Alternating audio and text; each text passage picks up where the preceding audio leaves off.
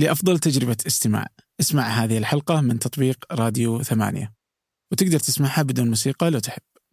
هذه الحلقة برعاية Solutions by STC يعني مثلا أنا ب... أنا أزعل من تطبيقات واجد. أوكي.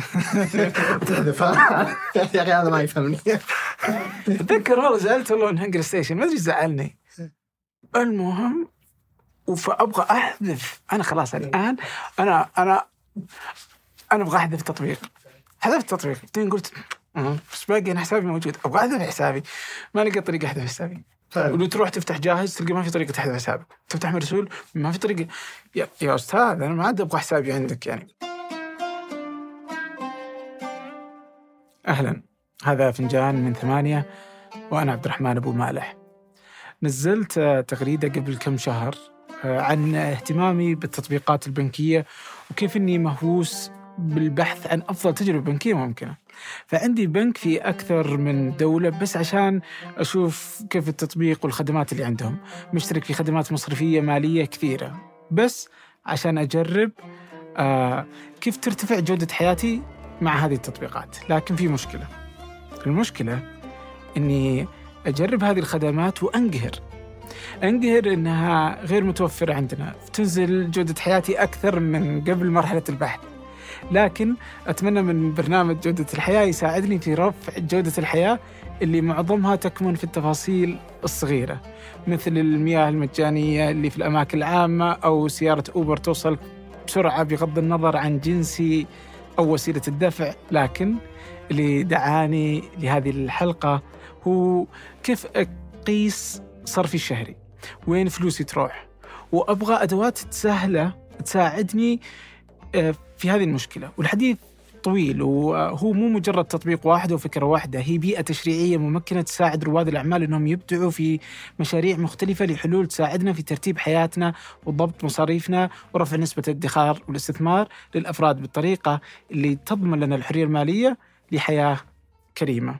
الحلقة مع صديقي سلطان الخيال مؤسس تطبيق دراهم ومهتم بالتقنية عموما والتقنية المالية خصوصا. الحلقة ممكن تخليك تحمل دراهم أو ممكن تحمل غيره. ممكن تحمل تمرة أبيان ملاءة أو ممكن تعطيك فرصة أنك آه، تبتكر خدمة تسهل علينا حياتنا. قبل أن نبدأ فيه بودكاست رائع أسمعه لاهتمامي بمجال ريادة الأعمال والسوق. اسمه بودكاست السوق. بودكاست أسبوعي مثري جدا وممتع. وأنصح فيه قوة أما الآن لنبدأ. أذكر كنت تقني أكثر من الحين. صح. كنت تتكلم عن أشياء تقنية وأشياء ونهاز وال... بعدين فجأة صار إعلام ومحتوى والأشياء هذه. ولا هي من أول كان. لا لأن هو من أول محتوى بس إني لا تقني يعني ولي اليوم تقني. بس آم، بس عاد وش تعرف التقنية يعني أحس التقنية صارت كل شيء. أول كانت يعني إس دي كارد و يعني واشياء تقنية بس اليوم التقنية صارت يعني صرنا نستخدم التقنية بزيادة يعني. يا أخي هل صار فيها رتابة ولا إحنا اللي تعودنا؟ لأنه أول كنت أتحمس أشوف أوه إيش نزل جديد؟ الحين آه أوكي. اي ما في شيء ينسج متى آخر مرة تحمست لحاجه تقنية؟ أحس من زمان والله. الأفكار صار أتوقع كثير صار يتنبأ كثير صار يجرب أفكار مجنونة لدرجة اللي ما ما يعني ما صار ما أدري وكل حاجة صارت موجودة already الناس قد جربوها من أول بطريقة مختلفة. يعني أحس كل أحد الحين يدور يدور شيء كذا نقلة نوعية وين بيروح إحنا VR إحنا AR إحنا فيجربونها من الحين ما ينتظرون التقنية. تصير لها حاجة في وقتها عرفت كيف؟ لا لا لا ف ب- لا لا بس مو كل حاجة جديدة تبدأ إنه في early adopters صح؟ exactly ولها إيه. حاجة بس وش الشيء اللي اليوم الناس فيه هم اللي اللي يؤمنون بالأشياء قبل تصير. يعني يجي في بالي إنه يمكن لا الكريبتو والخرابيط هذه. وش اللي انترنت عام 2000 crypto crypto crypto crash أمس crash أي شفت؟ مو طبيعي. يعني اليوم آه، زمان أحس يوم كنت آه، تدخل الإنترنت وما حد يدري وش الإنترنت. احس كم يعني مكان رائع وكنت تشوف فيه شيء أنت ما الناس ما تشوف فيه شيء. زين؟ الحين أدور ذا المكان ما لقيته. جزء من. وأخاف إني أنا ضعت إني أنا الشايب اللي وقتها كانوا هذه دائما فكرة في بالي. دائما فكرة اللي هل الشيء يعني إحنا اعتدنا عليه لدرجة إنه صار رتيب وخلاص ولا إنه فعلا الأشياء خلاص صارت يعني عادية والتط... والحماس قاعد يصير في مجال ثاني غير المجال اللي إحنا كنا فيه مثلا تقنية ولا حاجة. يمكن بس وش ذا المكان الثاني؟ ما ما أدري. يمكن مو مجالك. لا أحس خطأ. الحين لا لا أنا أقول لك مرة أحس تزعلني ذي السالفة مرة إني أخاف إني ما ألقط الجو ما تلقط الجو حق إني أصير كبير. آه إنه هذا. يعني أنا أنا الشايب اللي يوم جاء الإنترنت. ما عرفت أقول يا رجال ما عندهم سالفة. في في جزء من الراحة يا أخي ولا؟ لا والله. في جزء من الراحة والله لا والله ما. يمكن مريح بس ما ودي أصير اللي يعني راح عليه. إيه صادق صادق. ال- فتلقاني أحيانا كذا أدخل يعني ودي أعرف آه، ويب 3 مثلا يمكنه الشيء اللي أنا ما لقطته. آه يعني وانت ماشي. يا هو المشكلة يعني يعني على مثال الويب 3 أحس إنه هل هي هبة ولا هي شيء صدقي؟ ما أدري. most likely يا أخي يعني شوف ه- هذا ترند قاعد أشوفه يصير كثير. تقنية جديدة ولا مسمى جديد والناس ياخذونه ويقولوا هو المستقبل. اللي ما وخوف إنك تصير الشايب اللي ما يقتنع بالتقنية الجديدة يسبب إنه الناس يصيرون extreme من ناحية إنه لا الويب 3 هو وأؤمن فيه. طب يا أخي في أشياء ما هي منطقية في الموضوع. لا هو أنت عشانك شايب ترى أنت ما أنت فاهم. نفس الشيء الميتافيرس نفس الشيء إني أشتري أرض في الميتافيرس يا أخي لا ما المو... ما له قيمة ما له هو نفس الشيء الناس كانوا يقولون يقولون التقنية ما لها قيمة ما لها قيمة الأراضي. بس أحس وصلنا لمرحلة اكستريم لدرجة اللي أي حاجة أي فكرة غريبة مستنكرة صرنا نحاول نخليها أوه لا هي فعلا صح. هو هذا المستقبل هو هذا ال... وهي ما هي بالأصل. عشان ما يروح عليك يعني عشان ما يقولون عنك ال- اللي أوه هذا اللي ما يفهم يمكن الناس يشترون أراضي في الميتافيرس آه، هو كان متكي في النرجس yes وكلها ترجع أصلا للقيمة. هل فعلا يعني أوكي في في أشياء فعلا زي على قولتك. الميتافيرس هل الواحد قاعد يطلع منها بشيء ولا ما قاعد يطلع منها بشيء؟ ما أدري بس يعني مو معقوله برضو استثمار آه، Meta وزاكربرج في الميتافيرس وكيف إنه حط الظاهر 10 مليار دولار و... ويكون استثمار خطأ. يمكن يطلع خطأ. بس يعني حتى Apple برضو عندها يعني اهتمام في الميتافيرس كلهم عندهم اهتمام في الميتافيرس. طبعا يعني وش الميتافيرس؟ هذا أحس إنه سالفة يعني. هل الإنترنت اللي اليوم إحنا عليه أصلا هو الميتافيرس؟ بس هذاك يصير immersive أنت ليش صرت أتكلم إنجليزي؟ هذه مشكلة ال- هذا لا. لا التقنين اللي أنا جاي أقول يا رب ابى أقول سلطان لا تتكلم إنجليزي لا تتكلم انجليزي يلا عطني ال meta وش الميتافيرس؟ الواقع الافتراضي لا ال... هو مو بواقع هو الواقع الافتراضي؟ إيه، يعني هو في الواقع الافتراضي وفي في الواقع المعزز. المعزز فالميتافيرس هو شيء الواقع الافتراضي. فاليوم إحنا لما ترى لما نتكلم عن الإنترنت آه هو واقع افتراضي.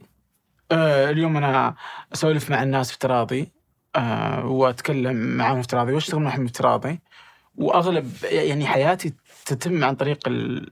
الإنترنت بشكل افتراضي. فأنا أجتمع معك وأخلص شغلي وأنت جالس في كافد وأنا متكي في نرجس أو ممكن حتى إنك متكي في وأتوقع هذه هذه القيمة والفجوة اللي حاول أنا الحين بدل ما أضيع وقت هو أقدر أخلص شغلي بأفضل طريقة ممكنة. فهل الميتافيرس ولا هل النظارات ال AR ولا ال VR بتسمح لي أسوي الشيء هذا بطريقة أفضل؟ ولا بيصير الموضوع آه، حوسة أكثر؟ وأتوقع هذا هذا البت هنا حق فيسبوك ومارك إنه لا بيكون قريب للحقيقة لدرجة اللي وجودنا في نفس المكان مع بعض ما له سبب كبير يعني. زي الحين يعني الحين أتوقع بعد كورونا كيف إيش ال- الاجتماعات اللي صار ضروري إنها تكون فيزيكال بس ترى الاجتماعات الحضورية ترى مهمة. يعني شفت فيلم وثائقي فكان يقول يعني طبعا هو فيلم آه، يعني وثائقي سياسي فكان المهم كان وزير خارجية يقول إني أنا ما قدرت أقنع يعني آه، الدولة الثانية الظاهر إنها كانت أمريكا والصين، يقول إنه كان اجتماع بين الاجتماع اللي بيننا افتراضي. إيه. فما قدرت أقنعه. إيه، وصل الاجتماع إلى إنه صار آه، شكلي بس اجتمعنا على الفاضي بينما لو كنا موجودين في غرفة واحدة بنقول خلاص ما نطلع لين نتفق بس الاجتماعات الافتراضية تاخذ شكل آه، مو بحقيقي. وأتفق 100% وأتوقع هذا الهواش اللي صاير حاليا إنه هل الشغل يكون عن بعد ولا الشغل يكون في مكان واحد أفضل؟ وكل أحد له آراءه. بس أتوقع الجميع اتفق إنه سالفة الوجود الحسي اللي الناس يشوفون ويشوفون لأن التواصل ما هو بس تواصل بالكلام ولا هو تواصل بالتكست. يعني تحتاج تواصل على مراحل مختلفة. هل النظارات هذه بتوصلنا للمرحلة ولا لا؟ في كثير ناس مؤمنين لدرجة اللي قاعد يضخون مليارات المليارات من الاستثمارات إنه لا في مرحلة بنوصلها بيصير ما تقدر تفرق بين الواقع والحقيقة. وفي ناس يقولون لا يعني هذا الشيء مستحيل إنه نوصله لأنه بيحتاج أشياء مرة كثيرة وأشياء ما تقدر تسوي لدرجة إنه ممكن أسهل إنه خلاص تروح وتسافر وتجي يعني اقتصاديا يعني. ممكن بس بس اللي يبغون يسوون آه، فيسبوك آه، يعني كيف إنه يبغاك تعيش كأني معك بس مجرد إني ألبس النظارة الواقع الافتراضي ليش؟ يعني تخيل إني آه، إنه ودنا نجتمع وكل واحد في دولة ويصير كأن اجتماعنا حقيقي. يعني أنا شفت الفيديوهات ما هي بأفضل حاجة. يعني كذا بس إنك تقدر تسلم عليه بس ما يعني ما ما هي بمرة حاجة. هذا هو. وصراحة يعني في على قول هي بالأخير بت. الواحد يراهن رهان. هل هذا الشيء بيكون ليوصل درجة يبدل الشيء الحقيقي ولا لا؟ أنا بنظرتي أحس صعبة جدا جدا جدا. دائما الشعور الحقيقي بيكون أفضل. دائما الوجود بتحسه بطريقة مختلفة. وإذا كان موضوع موضوع توسع ولا موضوع إنه أنا أبغى أسوي أشياء وأختصر أشياء أتوقع نسويها نخلي الطيارات أسرع نخلي يعني أشياء تكون وطبعا يعني أتفق تماما مع واحد ثاني بيجي يقول لي لا أنت ما قاعد تناظر بالمستقبل بشكل أنت ما قاعد تشوف ال quantum computing كيف ممكن يخلي الموضوع حسي وحساسات في كل مكان وكل شيء يبدل. وهنا هنا هنا أتوقع ال... ففي هذه أحس نظريتين منطقية تمام؟ نظرية اللي okay ولا. ال- التقنية بتتوسع لهالمرحلة وفي اللي لا التقنية بتقعد زي ما هي وفي لها حدود وما نقدر نسويها وفي الجنون اللي قاعد يصير حوله. انه دام صارت واقعية طيب أنا بشتري أرض من الحين عشان بعدين قيمتها بتصير عالية. ولا أنا بشتري art ال NFT وإنه يصير قيمتها عالية لأنه الميتافيرس بيكون شيء حقيقي. إحنا لين ما وصلنا للمرحلة هذيك. ولين ما نوصل المرحلة هذيك ليه ما تصير الأشياء واقعية نبدأ نسوي الواقع الافتراضي اللي تقدر تشتري وتبيع فيه. الحين كلها على أمل إنه التقنية هذه بت كذا تت... بتصير. بتصير. بس إنها اي فهو يخوف. متى أنت تدخل وتتراهن ومتى تقعد وتتكي وتقول لا والله مستحيل يصير. 100% 100% أتوقع بس as long as إنه أو يعني إنه الخوف هذا ما يكون نابع من إنه اسمع أنا أبغى أشوف المستقبل أبغى ألحق على المستقبل. ونوقف نستخدم عقولنا يعني عرفت كيف؟ اللي لا لا أكثر هذا الصح. كريبتو هو الصح هو الصح. فعلا لها applications جدا منطقية وتحل مشاكل موجودة وال centralization وطريقه تحرك الأموال. ما في في لها أشياء منطقية جدا. بس في أشياء ما هي منطقية. قاعد تصير. قاعد تخرب على الشيء المنطقي و- وكل أحد قاعد يخش عشاني في المستقبل أنا ببدأ أبشر بالأشياء هذه بطريقة غير صحيحة. بس أنا دائما فأنا دائما واحد خواف من إنها يفوتني قطار الزمن هذا. ف... ف... لا لا فاخاف إني أصير شايب. تقنيا يعني. فأتذكر جيت مرة إني آخذ الآيباد وقلت خلاص ال- الآيباد بيصير يعني اللابتوب حقي. زين؟ و وأتذكر حتى كانت في فترة كانت ابل تعلن يعني إعلاناتها اللي في ال- الظاهر 2016 2016 والله أنا ناسي. عموما فكانت كل إعلاناتها إنه الآيباد هو ال- الكمبيوتر القادم. هو الكمبيوتر ما هو الكمبيوتر القادم هو الكمبيوتر. فحتى إنه في نهاية الإعلان ظهر إنه في واحد آه، طفل فيقول لها وين ال PC حقك؟ فهو يستغرب وش PC أصلا؟ آه فكيف كان رهان آه ابل على الآيباد هو اللي يصير كل شيء. وطالع إنه فعلا يعني تلقى يعني يوم جت كورونا يعني آه أولاد آه أخواتي صغار يعني اضطروا إنهم يستخدمون اللابتوب أول مرة في حياتهم عشان يدخلون مدرستي وذي. فما يعرف يشغله ما يعرف شلون يعني هو شيء ما يعرف يستخدمه أصلا ف... فقلت خلاص أنا بجرب الآيباد بصير على الآيباد. هو هو هو المستقبل واكتشفت إني ما أعرف أستخدمه وإنه ما ينفع وإنه مو بجهاز حقيقي. okay يستبدل اللابتوب. لا جلست أربع أيام أو خمس أيام بدون لابتوب. وعرفت إن اللابتوب هو الشيء الوحيد اللي مستحيل أستغني عنه. أقدر أستغني عن جوالي بس ما أقدر أستغني عن اللابتوب. شوف اللابتوب أتوقع المحترفين اللي عندهم شغل في ال... ال... يعني خلينا نقول تصميم الفيديوهات تصميم ال... يعني أدوات المحترفين عرفت كيف التسجيل. برمجة. yeah 100% هذه صعب جدا تتبدل لأنه كذا. صنعت إنه في عندك أكثر من شيء لازم تجمع بينهم تحتاج الشعور ال multitasking هذا لكن الآيباد يسوي 90 80% من المهام اللي كل أحد يحتاج يسوي، يعني أنت جبت مثال مدرستي، أختي على سبيل المثال عاشت على الآيباد.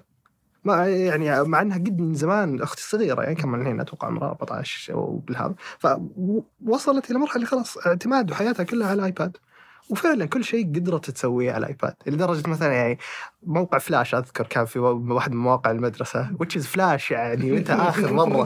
فما تتصور انه فلاش ممكن يشتغل على الآيباد. بعدين تروح تشوف الا في برنامج ممكن يشغل لك فلاش عن طريق سيرفرات مختلفة فيفتح لك الموقع ف 90% من مهامنا اليومية اللي هي مستندات تواصل آه، تذاكر تشوف. جزء كبير من الطلاب أتوقع شيء طبيعي جدا إنهم يعيشون عليه بشكل كبير. أدوات المحترفين هي اللي عليها علامة استفهام يعني. وأتوقع السرعة. يعني أحيانا. الايباد نفس معالج الماك لا لا سرعة آه، يعني هو إنجاز المهام. إنجاز المهام. يعني ياخذ وقت تجلس تنسخ هنا.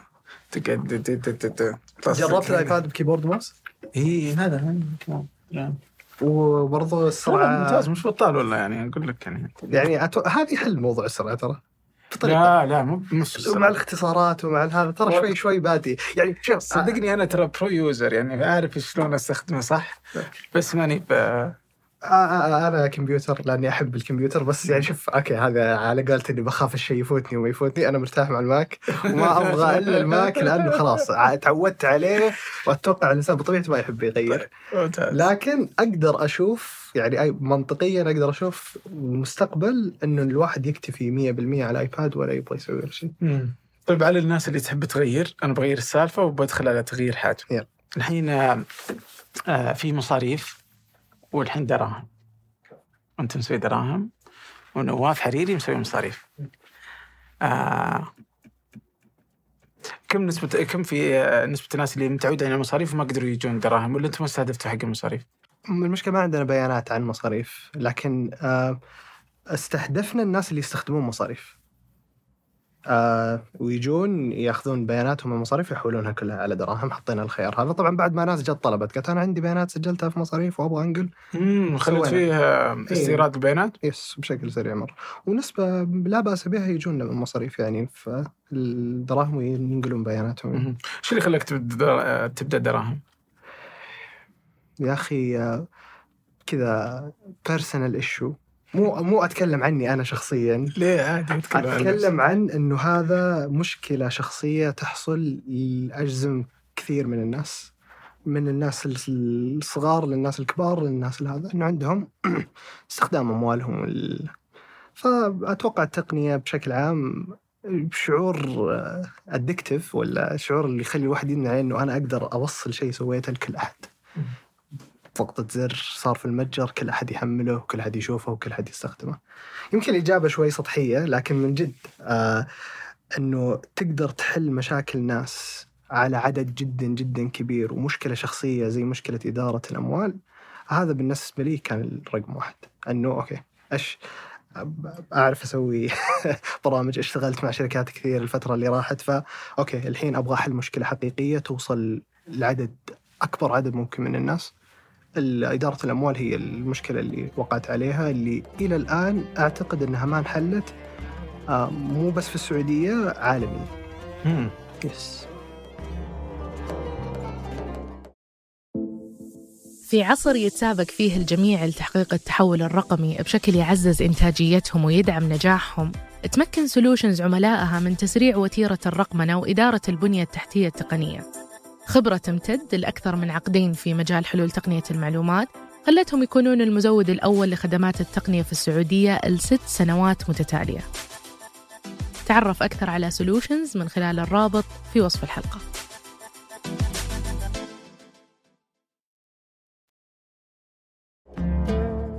ليه ليه الناس عندها مشكلة أصلا؟ وليش ما انحلت؟ لأنه الموضوع يعني بتصرف الناس أكثر وبعادات الناس أكثر مما أنه حل تقني بيجي يصلح لك إياه. آه، والحلول التقنية الموجودة برضو ما تساعد. يعني كلها أدوات موجودة يلا دخل البيانات وأنا بعطيك ال يعني bar chart سريع إنه هذه وين صرفت. طب بعدين أنت علمتني أنا وين صرفت، إيش الخطوة الجاية؟ آه غالبا okay كثير هذه يعني قبل بداية دراهم قعدنا نسأل ناس كثير أنت الحين إيش تسوي؟ إيش كيف تدير أموالك؟ والله بدر قاعد أسولف مع صاحبي هو فنان في الإدارة ويقعد يعلمني ويقول لي اسمع لازم تسوي كذا لازم وهذا في Excel sheet موجود وتسوي. آم، فما في الأداة اللي يا أخي علمني إيش أسوي. شير علي أنا إيش أسوي؟ في طريقه إنه أروح المستشار مالي موجود في مستشارين ماليه موجودة الحين على مو مستشار مالي حق الاستثمار ومال الاستثمار لا مستشار مالي لترتيب مصاريف صرفياتك ولا غالبا الحين ما فيه إلا اللي واحد يعني كذا في تويتر وعنده متابعين مرة كثير ويعطيك نصائح ولا. لكن في علي أبو صالح يسوي علي أبو صالح رهيب. فهذا على كان case study تدخل على موقع يقول لك يقدم لك استشارات ب 25 ريال. رهيب. وسويت معاه قدمت؟ رحت شفت الاستشارات اللي يقدمها وطريقة يعني systematic مرة بطريقة رهيبة. وفعلا هذا كان طريقة اللي okay بدينا منه؟ كيف كيف الناس إيش ابرز المشاكل اللي موجودة على الناس واللي تشوفه انه كل أحد عنده قصة مختلفة وكل أحد عنده أهداف مختلفة مو كل يبغى يوفر ولا كل جايب العيد وفي اللي عندهم قروض وفي فكل أحد مختلف فما تقدر تسوي حل يتابع المصاريف بس هي حل متكامل من المتابعة للتخطيط للمشورة بناء على أهدافك وأنت وين تبغى توصل كذا حل حل رهيب يعني وش الحل؟ وش الحل المثالي؟ وش الحل اللي المثال اللي الدراهم يبغى يسويه؟ وش بيخليه علي أنا كشخص يعني تعال عطنا وضعك المالي أربط بحساباتك وإحنا بنرتب أمورك أنت إيش تبي؟ تبي تبي تملك بيت في الأخير؟ طب okay قل أنا أبغى أملك بيت وأبغى الأشياء هذه كلها. آه، هل أنت تبغى تحقق الحرية المالية إنه أنا أقدر أصير أتقاعد بمبلغ معين وأقدر آه، أكمل عليه؟ okay تمام نساعدك على تحقيق هذا الهدف. آم، فبالأخير هو أنت إيش هدفك؟ أنت إيش اللي تبغى تسويه؟ آه، بنعطيك أدوات تساعدك على اتخاذات اتخاذ قرارات أفضل. فأنا في مكتبة جرير يا أخي وعاجبني الجوال هذا okay برصيدي فيه أقدر أشتري هل المفروض إني أشتريه؟ طب اسمع إذا أنت شريت هذا ترى أنت قاعد تأخذ من ميزانية السيارة اللي أنت تبغاها بعد سنة بعد سنتين. هل مستعد إنك تضحي؟ okay ممكن الواحد يقول yes أنا أبغى الجوال هذا الحين على ال... لكن ما- في أداة الحين تعطيك الإجابة هذا بشكل سريع، ما في أحد يشور عليك، يا أخي أشتري ولا ما أشتري؟ الله ودي، فكل أحد على شعوره وعلى إحساسه وعلى السعادة اللحظية اللي موجودة. آه وطبيعي جدا وعادي ما فيها مشكلة. وهذا اللي نحاول نحل، نعطيك أداة تشور عليك تخليك تحقق أهدافك بشكل أفضل وكل حاجة بدون تدخل بشري وبدون شغل زيادة لازم تسويه. آه، إيه، بس كيف تتوقع أن التقنية بتحلها؟ ليش؟ لاني آه، أنا كنت أستخدم Mint Mint dot com و وطبعا يعني آه، قدرته على الربط وقدرته هو قديم الظاهر من 2000 صح؟ ما شاء الله تبارك الله. 2009 2009 استحوذ عليه. استحوذ عليه. yes فكان موجود قبل كان موقع وبعدين تحول تطبيق وفعلا ف... فهو آه، يعني متقدم جدا كتقنية. وفكرته إنه يسوي نفس الدراهم صح؟ آه حد بس بشكل متطور جدا. فانتم اللي تبغون تصلون إنكم تصلون منت إلى حد ما. آه أوكي. ب- كمل نقطتك وبرد لك على الموضوع يا طويل العمر؟ انه فأتذكر انك تستخدمه فهو يقدر يربط بين البنوك. أنا ما أحتاج إني أعبي البيانات ترى يعني هو بيدخل على البنك حقي آه وياخذ البيانات من اللي جالسة تصير مباشرة. ويقدر يصنفها وتصنيف نقاط البيع في أمريكا دقيق عكس اللي هنا. هنا ممكن تلقى آه بقالة يسجل نفسه محطة علشان يتفادى آه، رسوم مدى لأنه في دعم المحطات مثلا. فتلقى أنا شاري من مغسلة بس الاخير موجود إنها محطة بنزين يعني. طيب. ف... وعلى ذلك فقس يعني. فدقة آه، نقاط البيع عالية. فيصير تحليل البيانات أدق. وعندهم ربط متكامل مع كل ال- المصرفية والخدمات المصرفية الموجودة. ف ومع ذلك ما قدرت آه، يعني يمكن كذا يقول لك تبغى آه، تسافر جمع. ففي طريقة علشان تجمع رحلتك اللي تبغى تسويها في أبريل مثلا. نعم. و- وأحس إني ما قدرت أتغلب على سلوكي السيء في قدرتي على ضبط مصاريفي. رغم إنها تقنية متكاملة آه فكيف بتحلها؟ فعلا صادق هو أصلا يعني أنت تذكرني Mint آه، في آه، talk لل founder حقه اسمه Aaron وقاعد يقول المراحل اللي بدوا فيها يعني التصنيف تصنيف الأشياء ترى حتى في أمريكا على أساس إنه تعتقد إنه الموضوع سهل إنه أقدر خلاص باخذ الأسهم وعندي database أقدر أحللها بناء على هالشيء. لا كي- كيف كيف سوى التصنيف في البداية؟ عندهم Yellow Pages يقول أخذت ال Yellow Pages online وحطيتها كلها وخلاص اعتمدت التصانيف هذه. وكانت ما هي دقيقة في البداية لكن مع تصانيف الناس بدأت شوية تصير تصير. آه لكن هذا Mint و Mint إيش يسوي؟ يربط مع حساباتك وبناء على الربط يعطيك آه تقرير بصرفياتك ويقترح عليك منتجات مالية ممكن تساعدك. انه تمويل بطاقات ولا حاجة زي كذا. اللي قاعد نحاول نسويه في دراهم جزء كبير منه الانفستمنت نربط مع حسابك البنكي نصنف بشكل تلقائي نعطيك تقرير عن صرفياتك وضعك المالي. تمام؟ آه لكن المرحلة الثانية اللي تجي طب خلاص أنا عرفت وضعي المالي. هل بنعتمد عليك أنك أنت تصحح وضعك المالي بشكل كبير؟ لو قلنا بهالطريقة ف كثير من الناس ما هي عارفة كفاية وأنا منهم يعني صراحة. إيش الشيء اللي أسويه عشان أنه أحدد هدفي ولا أحقق شيء؟ ففي كذا تقدر تقول أساسيات الواحد لازم يسويها. اللي هو مثلا الادخار وإنه أدخر بشكل صحيح وأستثمر بشكل صحيح. إنه أسوي ميزانيات ميزانيات تكون محكومة وأعرف أنا هذه وين رايحة. وتكون كلها متكاملة وتلقائية. لأنه دائما اللي يقتل ال- الرغبة في التحسين أي احتكاك يكون موجود. فحطيت بياناتي آه okay أنا لازم أحطها كل يوم خلاص ثاني يوم بمشي طب okay أنت ربطت مع البنك. آه لازم أصنفها واحدة واحدة خلاص أنا بمشي آه لازم أحط أنا الميزانية وأختار الأشياء هذه كلها وكذا. آه، حبة حبة. طب أنا بوفر هل بتعتمد علي إني بوفر وبتخلي الفلوس موجودة في حسابي اناظر فيها؟ يعني هنا برضو سؤال ثاني. فالشيء اللي في دراهم نحاول نسويه إنه نأتمت العملية كلها. نربط حسابك نعطيك تقرير نعطيك الاقتراح وننفذ. فننفذ نقول أوكي أنت تبغى توفر مئة ألف عشان هدف معين. طيب اسمع عشان تحقق الهدف هذا لازم كل شهر تحط لي ألف ريال في محفظة وثابتة. فخلاص أنا رابط مع حسابك البنكي فأقدر أني آخذ الألف هذه كل شهر وأحطها لك. إذا أنت تبغى تسحبها فتجي تقول لي أوه بسحبها. طب اسمع لما تسحبها بتروح من هذاك الهدف بيتأخر بفترة معينة. فتقول أوه أوكي. فتبدأ تسوي قرارات بأداة تساعدك فعلا تتخذ القرار. بكل بساطة الأتمتة نزيل ال- الاحتكاك مع كل خطوة. نخلي عندك أداة تقدر أنك تدخر وتستثمر. الشخص اللي يقول طب أنا ما عندي هدف. دخلي كويس وأموري تمام وأشرب قهوة الصباح ومبسوط ولا أبغى أوفر ولا هذا. طيب okay. عندك اللي هو هدف التوفير والاستثمار. الفلوس أنها قاعدة في حساباتك هذا ما هو شيء صحيح.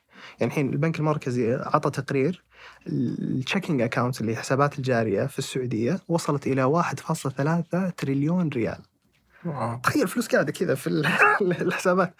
يا أخي طب يعني غلط. أنت تعرف قانون إنه الفلوس إذا قاعدة في حسابك فهي قاعد تخسر قيمتها ما قاعد تهاب. حتى لو بعائد بسيط. الناس يقولون عائد وش هو 2% وش هو 1% سنويا؟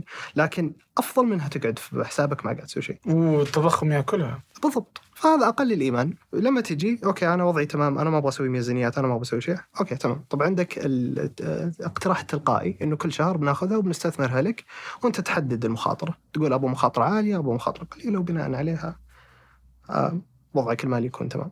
مم. آه، يعني أبغاك تعرف إنك تنطلق من مجتمع نسبة يعني مفهوم الادخار عندهم ضعيف، يعني وهي إحدى مس- مستهدفات الرؤية إنهم يبغون يزيدون نسبة المفهوم يعني مفهوم الادخار والاستثمار، لكن آه، فالله يعين، لكن ودي أرجع ل- بأخذ النقاط حبة حبة. آه، فأول شيء قلت إنك تربط مع البنوك، ابني كم بنك رابط معه؟ إحنا يا طويل العمر رابطين تقريبا آه، بشكل مباشر مع أربع بنوك سعودية. وش؟ الراجحي الأهلي الرياض والعربي. إيه، غريبة أنا دخلت ما هو ما هو مطلق. لا لا أبغى اللي مطلق الآن. اللي مطلق حاليا البنك العربي فقط. البنك العربي؟ البنك العربي فقط. عفوا. اي ام بي اي ان بي بنك المستقبل. ولا هذا بنك ثاني معلش. طيب. بس البنك العربي. وش كانت المشكلة ليش ما في البنك العربي؟ آه، في المصرفية المفتوحة. لا لا بس وقتها قبلها. يعني ليش ما تقدر تربط مع البنوك كلها؟ لا. يعني هي ال- هي عشان سياسة البنك المركزي لين الحين ما هو مسموح إنه يطلق في إنك. تربط مع البنك. غير الربط في standard جديد اسمه المصرفية المفتوحة. البنوك قاعد تحاول تطبقه. إحنا ربطنا معاهم بس ما هي مطبقة ال standards هذه بشكل كامل. فننتظر فم- لين ما تخلص وتشز على نهاية السنة. وإذا خلصت يصير نقدر نطلق. بس أنا أتذكر إني قابلتك قبل سنتين الظاهر. كنت تقول على نهاية سنة ديسمبر السنة الماضية. إنه مفترض ان الربط تم. كان الهدف حق المصرفيه المفتوحه الربع الثاني السنة هذه. مم. تأخر للربع الثالث تأخر للربع الرابع. وش فكرة المصرفيه المفتوحه؟ آه إنه البيانات البنكية ملك للعميل ما هي ملك للبنك. فأنا يا العميل أقدر أقول أعطي آه، بياناتي الدراهم أنا أسمح بالشيء هذا. آه. و... وهذه من البنك المركزي إنه يبغى يخلي هذا الفكرة موجودة. فالبيانات تصير ملك العميل 100% كيف هي على أرض الواقع؟ البيانات عند مثلا بنك الراجحي ولا عند بنك الأهلي؟ هي البيانات مملوكة يعني حاليا عند البنك إيه. بيانات عملياتك هويتك الأيبان حقك كل الاشياء هذه كلها ف مع البيانات المفتوحة كيف إيش اللي بيتغير علي؟ إنه أنا أقدر بوا- بربط تقني آه، أصرح لأي جهة تأخذ بياناتي أقدر أسحبها من البنك؟ تقدر تسحبها من البنك. أنت كشخص تقدر تسحبها من البنك طبعا لكن لا لا بس أنا إذا قفلت حسابي يمكن في الأهلي مثلا إيه. مو معناته انهم حذفوا بياناتي يعني يمكن بزال العمليات حقتي عندهم فعلا وفي أصلا آه، قوانين آه، أنا ما متذكر كم المدة لكن البنك مطالب إنه يترك آه، يعني سجل حساباتك لفترة معينة حتى بعد إغلاق عنده ولا عند. البنك المركزي؟ عنده كل البيانات هي مخ... يعني ال- البنك المركزي مشرع فقط. فيقول لازم يكون عندك مركز بيانات مخزن في السعودية فيه الستاندردز هذه لكن ما يخزن عنده ولا حاجة. مم. فبس. فالآن مع البيانات المفتوحة مفترض إن البنك لا يستطيع تخزين بيانات أنا ما أبغاه يخزن. آه، مو بها هذه هذه حق تبع سدايا اللي هي خصوصيه البيانات. آه. مع لا المصرفية المفتوحة. أوكي. اي مع المصرفية المفتوحة إنه أنا عميل عندي بيانات مسجلة في البنك. البنك ما أقدر أقول له اعطيها فلان حاليا البنك يقول يعني أو بالوضع الحالي خلاص أنا عملياتي موجودة مسجلة عند البنك آه، الراجحي على سبيل المثال. هي موجودة عند البنك الراجحي. ما أقدر أصدرها إلا بكشف حساب وبطريقة ما- manual يعني وأقدر أعطيها لأحد اللي ابغاه لكن ما أقدر أسويها بطريقة تقنية إنه خلاص أقدر أجيب بياناتي كلها وأعطيها بشكل سهل. هذا اللي يتغير الحين. إنه أنا عميل عندي الحق إني أقول يا بنك الراجحي اعطيه وطبعا كلها هذه إحنا نتكلم بشكل يعني عميل والبنك لكن اللي يصير إنه أدخل على التطبيق احولك على البنك تعطي التصريح هذا يرجعني على التطبيق ويصير أقدر آخذ عملياتك. طيب وليش في دراهم موجود آه، كل بنوك الإمارات تقدر تربط معها ربط مباشر بينما السعودية ما فيها البنك العربي هذه ب- للمشرع المشرع هل عندهم المصرفيه المفتوحه؟ لا. ما عندهم مصرفيه مفتوحة لسه توهم بيبدأون طيب شلون ما عندهم مصرفيه مفتوحة وعندهم ربط مباشر مع كل البنوك؟ أي في أو معظم البنوك. يسمونها web scraping إنه عادي أي شركة تجي بس تكون مصرحة من هناك إنها تشتغل ضمن البيئة التجريبية حقتهم آه تروح كانها خلاص انت عبد الرحمن تعطيها ال username وال password حقك حق البنك. ياخذون ال username وال password يدخلون موقع الويب يسوون ياخذونها من من الويب على طول ويدخلونها في ال app. وترى كذا من أنت شغال في أمريكا وعادي. فهو فكرة إنه يدخل على على حسابك ويجلس يقرأ البيانات. بدون تنظيم بدون تشريع بدون شيء خاص يدخل ويقدر يسوي العمليات هذا فعشان كذا دقة البيانات تكون أقل السرعة تكون أبطأ بكثير لأنها يعني يسمونها هاكي واي يعني طريقة ما هي شرعية عشان أخذها لكن العميل يعطيك صلاحية ويوضح له يعني آه إنه لا ترى أنا بسوي كذا وبسوي كذا وبسوي كذا وبخزنها ومو أي أحد يقدر يسويها في الإمارات لازم برضو يكون مشرع من ال من الدولة. ال- إيه. فهذا اللي صاير في الإمارات، فالإمارات إحنا ما ربطنا مع البنوك 13 بنك بشكل مباشر، لا ربطنا عن طريق مزود خدمة. مزود خدمة هو مصرح هناك ويجيب لك البيانات زي. لين ولا هي لين؟ لين لين؟ لين. بس برضو يعني ليش لين ما قدر يسويها في السعودية؟ أتذكر آه، آه، هشام الفالح كان يقول آه، يعني إنه يوم جلس يتكلم مع البنوك السعودية كلهم كذا يعني رافضين ولا هم معطينا أي اعتبار. لأنه البنك المركزي بي بيطلب منك إنك تقفل الموقع بشكل سريع مرة. هذه مخالفة يعني تعتبر في الإمارات هم سمحوا فيها في السعودية لا. آه، البنك المركزي قال أنا ما بخليها بالطريقة العشوائية هذه بخليها بطريقة منظمة وب standards وتكون عن طريق APIs أي أحد ما يقدر يطلق عن طريق ال web scraping ولا إحنا ال web scraping سويناها سويناها مع الإنماء وسويناها هذا في ال app داخليا بس ما قدرنا نطلقها لأنه تخالف القوانين. بكل بساطة. وهذه عاد تشريعات. شلون أعطاك البنك العربي؟ البنك العربي آه، أول ما السنة اللي راحت أول ما البنك المركزي قال في مصرفية مفتوحة إحنا اجتهدنا ورحنا عند كل بنك وحاولنا نربط من البنوك الوحيدة اللي كانت تقنية جاهزة البنك العربي وسمح لنا نربط معه آه فهو ربط بالبيانات المفتوحه يعني. بس مو على الستاندرد السعودي كان ربط إنه ربط تقني يعطيك ال- البيانات كما هي مم. فبعدين جت مرحلة ثانية آه إنه خلاص لا في مواصفات معينة لا- لازم ترجع لي اسم المحل الحال لازم ترجع لي وهذه كلها يعني technical specifications خلاص مواصفات تقنية لازم يتبعونها.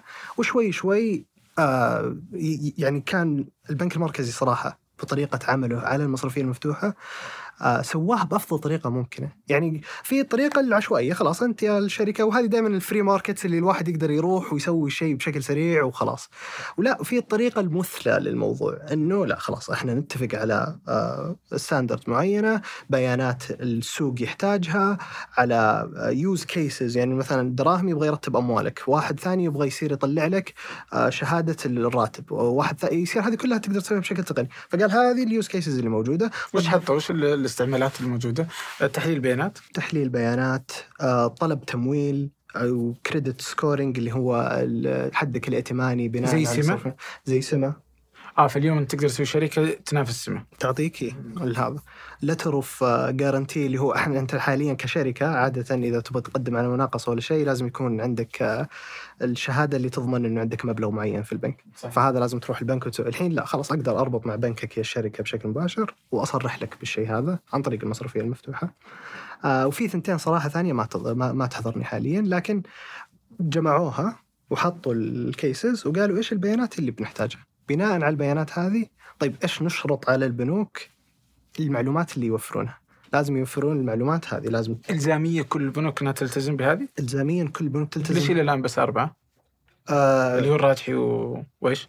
والعربي؟ الراجحي والعربي والأهلي والرياض هذول اللي إحنا رابطين معاهم اللي وصلنا معاهم مراحل متقدمة وخلاص الربط صار جاهز.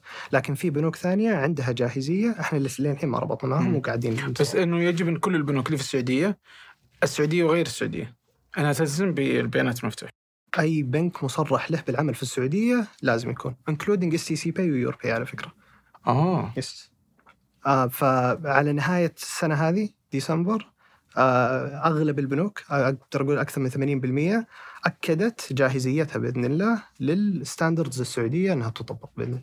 وسامه أعلنت رسميا إنه بداية السنة القادمة آه في الربع الأول بيكون الإطلاق الرسمي للمصرفيه المفتوحه. فتقدر تطلق بشكل مرة كويس. فسووها بالطريقة المثلى اللي تجيك البيانات بطريقة كويسة تضمن حق العميل، يعني العميل صار عنده يس- يسمونه يعني consent management system، أنا أقدر أعطيك دراهم تصريح وأقدر أسحبه منك ثاني يوم، ولازم ال system يوفر لي الشيء هذا ولا ما تكون مصرح. أقدر أعطيك تصريح مرة واحدة فقط، أقدر أعطيك تصريح لمدة معينة وأقدر أشيل التصريحات، فسووه بطريقة مرتبة ومنظمة وسووه مو بإنه آه، راحوا حطوا القوانين بقدر ما قال جابوا البنوك جابوا الشركات اللي تبغى تسوي آه، آه، آه، يعني تطبيقات على المصرفيه المفتوحة وقاعد يسوون ورش عمل ورش اعمال و standards و documents طيب وش رأيكم كذا؟ طيب وش رأيكم كذا؟ وبعدين ترفع أسئلة وبعدين يسووا مختبر. فسووها. يعني كان في شغل صراحة السنتين اللي راحت يتم رائع وأكثر من رائع ويبرر التأخيرات اللي صارت. أوكي. وكم دولة عندها المصرفيه المفتوحة؟ آه، أتوقع في أكثر من دولة. في شو في الدول يعني زي أمريكا مثلا تقول لا خلاص أنا بخلي السوق مفتوح اللي بيروح بيروح اللي بيبقى ما في تشريعات. وفي الدول مثلا زي بريطانيا اللي إحنا قاعد نسوي تقريبا زيها عندهم مصرفية مفتوحة موجودة. آه وفي الدول اللي in between زي الإمارات. okay ما يمديك تروح وتاخذ البيانات بس لازم تكون مشرع بطريقة بطريقة معينة. yes. آه يا أخي البيانات أحس إنها مرة مهمة واحس إنها دائما مهملة. واللي مثلا يعني مثلا زي هذه مثلا البنك مو كفاية إنه ياخذ فلوس مني لأن الفلوس اللي عندي في الحساب الجاري هو يربح منها والتمويل يربح منها فهو يربح مني في كل بأي طريقة ممكنة إني أنا موجود عنده. لا طالما إني عنده أنا جالس أربح. هو جالس يربح. عفوا أنا أخسر أو أربح ما تفرق. لكن برضو البيانات إني أنا ما أدري إيش أسوي. يعني هو يقدر يحلل بياناتي هو يقدر يطلع منتجات بناء على بياناتي هو يقدر يسوي كل شيء. ف ولا أدري جالس يسوي. ولا يسمح لي إني أطلعها عشان أستخدم خدمات ثانية. فكما لو أنها صارت ملكة يعني. فمو بس هذا لا بياناتي تصير آه، ملكة. ولا أدري إذا أنا ودي أسمح له انه يشوفها أصلا الصراحه أو انه يعالجها. فاللي متحمس لها أكثر البيانات مفتوحة يعني مرة متحمس لها. بس اللي متحمس لها أكثر هو آه، يعني هو قانون البيانات اللي آه، اصدرت أصدرت المسوده حقت سدايا. و ولا يزال يعني ما ما ما أصبح قانون نافذ يعني إن شاء الله في مارتش السنة الجاية وأتوقع إنهم أجلوه آه هذا آخر. تأجيل ما أدري هذا. تأجيل؟ إيه. آه فهو مهم لأني أنا أبغى أعرف مين يعني دراهم إذا بيعالج بياناتي يجب إني أخذ موافقتي. إذا بي آه اذا إذا أبغى أحذفها من عندك يجب إني أدري إنك يعني بالقانون يجب إنك تحذفها. 100% يعني أتذكر آه يعني مثلا أنا. أنا أزعل من التطبيقات واجد. okay. يا أخي هذا ما يفهمني. أتذكر والله زعلت والله من هنجر ستيشن ما أدري زعلني. المهم فأبغى أحذف. أنا خلاص الآن أنا أنا أنا أبغى أحذف تطبيق.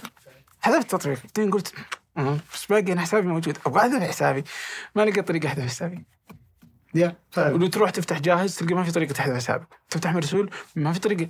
يا, يا أستاذ أنا ما عاد أبغى حسابي عندك يعني. فعلا فعلا ما تقدر. ال- البيانات كنز عبد الرحمن. هو هو ال- هو الشيء اللي يعني أنا أرى فيه صراحة المستقبل. يعني عن طريق البيانات تقدر تسوي أشياء كبيرة جدا ومو بس على ال- النظام المالي.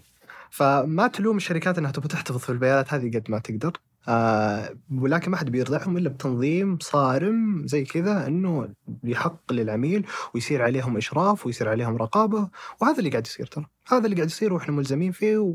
وشركات ثانية حتى ملزمة فيها بإذن الله ف... بإذن الله نشوفها واقع لأنه فعلا. يعني على قولتك وال- وال- الناس صارت واعية الحين أكثر من أول يا أخي وهذا شيء كذا ي- يعني يفرح صراحة كثير طب البيانات وين تخزن؟ البيانات وين طب أقدر أحذف ولا ما طب كيف أضمن إنها انحذفت؟ وفعلا أسئلة صح كيف أضمن إنها انحذفت؟ ف 100% إيه يعني ما أدري والله شلون الواحد يضمن بس إذا على الأقل في قانون أدري إنك آه، تلتزم فيه. هذا هو يعني أتوقع لمرحلة معينة لازم في ثقة إنه خلاص في مشرع والمشرع هذا بيشرف عليك وخلال ال... يعني دائما يكون عندك مراجعات وأوراق لازم تقدمها تثبت إنه أنت ملتزم وجزء من الالتزام هذا إنك تحذف وتسوي الأشياء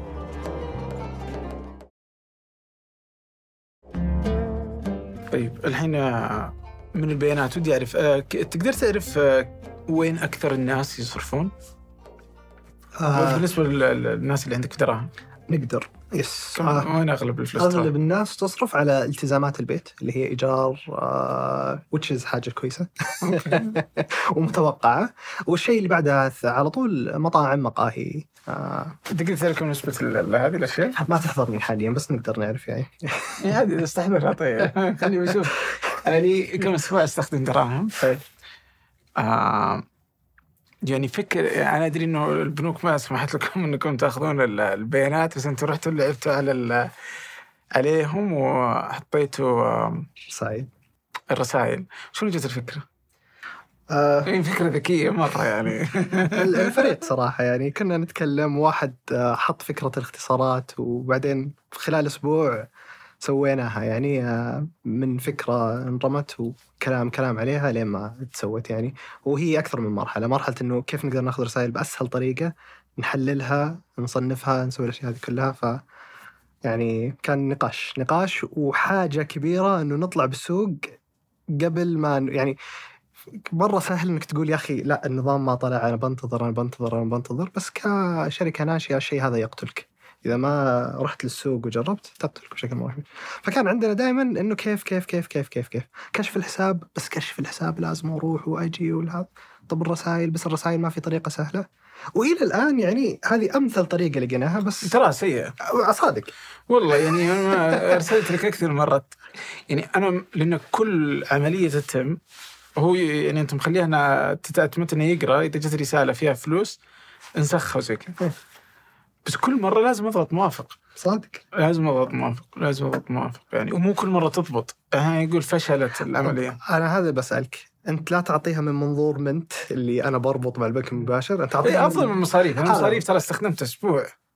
ولا. قبل كم سنة وحذفت على طول. وهذول المستهدفين ترى. إحنا قلنا الحين طب اوريدي في السوق ما في شيء يعطي تجربة أفضل من مصاريف حاليا. فليش ما نسوي شيء في النص؟ لين ما الشيء يكون جاهز؟ طب إيش أفضل طريقة؟ الرسائل ولا هذا. هل هي لك ولي؟ لا صراحة. إنه بقعد كل يوم وبتابع وبهذا؟ لا. بس في ناس ما شاء الله تبارك الله اللي عندهم الجلد ويبغون آه، شيء. وصراحه قاعد يفيدون بشكل مرة كبير بتحسين التجربة. يعني آه فبإذن الله لما الربط يكون جاهز على أكمل وجه فيكون عندنا منتج مجرب آه يعني تصنيف يعني اوريدي التصنيفات قاعد ما تتصور قديش التصنيفات تحسنت فقط من الرسائل ومن هذا يعني أذكر مرة كيف قرطبه بقاله في الزاوية رحت وصرفت وحطيت دراهم قال لي إنها بقالة قلت يعني مستحيل هالشيء شلون. عرفت إنها بقالة؟ شلون قدرتوا تلعب تمشون في التصنيف؟ طبعا إحنا عندنا أكثر من شغلة إنه على حسب الاسم على في كلمات مفتاحية نستخدمها. آه، وبالأخير في عندنا ال- الانجن اللي هو اللي بناء على البيانات الموجودة عندنا يحدد.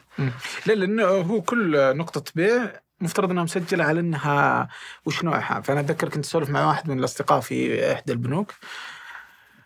وكان يقول انه لأنهم هم برضو البنوك اللي تزود نقاط البيع يعني وكان واحدة من البنوك اللي عندها نقاط بيع عالية. كان يقول آه، إنه إحنا نبغى نطلق تحليل البيانات. إحنا بنجيك هذا بعدين. كيف؟ بس إنه كان يقول ما نقدر نطلقه لأن البيانات مش صحيحة اللي في السوق. فإحنا اللي جالسين نسويه الآن إنه نبغى نرتب السوق في إنه كل نقاط البيع نتأكد إنها حقيقية. فإذا مغسلة مكتوب إنها مغسلة فهي مصنفة نقطة البيع انها مغسلة. وإذا بقالة بقالة وإذا محل أزياء وإذا محل كذا عشان لما أحط لك البيانات تصير منطقية. بس بس صدق أنا ودي أعرف كيف تقدرون تسوونها لأني استغربت آه، من قدرتكم في إنكم تخلونها ممتازة والله. يعني آه، سواء كيف يطلع شعار الشركة آه كنت تقدرون تعرفون الاسترداد النقدي لما يجيني cash back آه فتحطون الاسترداد النقدي كنت تعرف إنه ايداع فوش اللي تسويه؟ هي- هل إنك انت آه أخذت أك- يعني كل البنوك السعودية كيف تتعامل مع رسائل ولا؟ آه كانت هذه الطريقة اللي في البداية قلنا okay خلينا نحاول بس اكتشفنا في كمية رسائل مستحيل تمر عليك في حياتك يعني وال cases مخ هذا. فبنينا يعني artificial intelligence حقيقي. عندنا اثنين علماء بيانات قاعدين وبناء على البيانات اللي موجودة أخذنا الرسائل دربنا المحرك هذا وبناء عليه صار يتعرف آه، على نوع الرسالة وهل هي credit ولا debit وهل وش تصنيفها والأشياء هذه كلها. وكل البيانات اللي جاية ترى جاية من تصحيحات ناس. فيعني مثلا التصنيف إذا ما عرفناه ففي واجهة إنه يلا علمنا وش التصنيف. فهذه كلها يعني ترعود للمحرك والمحرك يتعلم مع الوقت. فهذه أفضل طريقة لقيناها صادق لو بتعتمد على البيانات المسجلة آه، المحل يمين وهي شمال. لكن الناس فعلا اللي عندها جلد والله يعطيهم ألف عافية ويصنفون وقاعد نحاول نسهل لهم يعني خلاص بضغطه يقدر يعدل بضغطه يقدر يح... يعني نساعده يساعدنا. فهذه هذا اللي اشتغلت. واشتغلت بطريقة ما توقعناها إنها بهالسرعة يعني صراحة. إنه فعلا التصنيفات تتحسن بهالطريقة ال- قراءة الرسائل تكون بهالطريقة. بس كلها يعني basic science okay. طيب كم عدد ال- المستخدمين الحين؟ عدد المستخدمين يا طويل العمر 30000 طبعا ما قد قلنا الرقم هذا. آه، ولا سوينا دعاية ولا حاجة ترى كلها حرفيا لولو. الدعايات والأشياء هذه تيجي إن شاء الله بعد الربط المباشر. آه وتقدر آه، سألت نواف كم عندهم في مصاريف؟ نواف؟ لا ما سألت. ما, ما أتوقع نواف ما عنده إحصائيات أصلا أصلاً المشروع هو- إيه. هو ترى كذا راح يسلى يعني. على فكرة نواف داخل معانا ك angel investor يعني آه. ف يعني ما ما يبي تشترون آه، مصاريف. فكرة حسن تدمجونهم مع بعض وخلاص. فكرة حسن المشكلة في ناس تعودوا على مصاريف لهم خمس ست سنين. لو غيرت شيء في التطبيق بيهاوشونك يعني ف... لا يعني. لا والله لازم يطلعون من نواف. تصميمه يعني يجيب الضيم شوف شوف آه، تعليقا على مصاريف. يعني تتعجب كيف إنه فعلا مبني من المستخدمين لأنه قاعد يلبي احتياج بطريقة هم يبغونها وبطريقة هم متعودين عليها. ف بس صدقني الدراهم هو الشكل المثالي للتطبيق المثالي. بإذن الله. هذا اللي معولين أنا ما عليه دخل في مصاريف ولا دراهم بس جالس آه، يعني آه، لأن دائما تزعجني كيف سوء التطبيقات السعودية. يعني تطبيقات سيئة مهما كبرت كثرت فلوسها. أنا أتذكر كنت أشتكي أيام كريم. إيه الحمد لله على كل حال. المهم فيعني دائما يتعذرون السعوديين بانه دائما يشتغل اسكت إيه ليش اجلس أسوي تطبيق زي الناس؟ آه، أو أو السعوديين ما ما ما يعجبهم التصميم حلو. هم يعجبهم تصاميم رخيصة. منين جاي؟ والله ما أدري. يعني فلو تفتح أنت الحين أي تطبيق سواء من شركة آه، يعني اولموست مليار أو أكثر من يعني فعندهم فلوس. بس يعني هي زي ما يقول آه، أزمة فكر. يا يا رجل أنا أحس كذا دائما مستوى الجودة عندنا منخفض للأسف بشكل مرة كبير ولا في محفز يتحسن. على قولتك خلاص دائما الناس تستخدم دائما الناس موجودة فليش ليش أحسن؟ أو أتوقع اللي بيحل المشكلة هذه المنافسة الكبيرة، لما يجي أحد يحاول يرفع المستوى هذا تصير ذائقة الناس ما تتقبل شيء آه، يعني وش وش لا بقفلكم فيا رب أنا معك أنا هذه مهمتي في الحياة ترى. الله يعطيك العافية والله آه، فالحين عندك آه، دراهم بعد ما تخلص الربط يصير فيه تحليل بيانات أجود وكم عدد فريقكم؟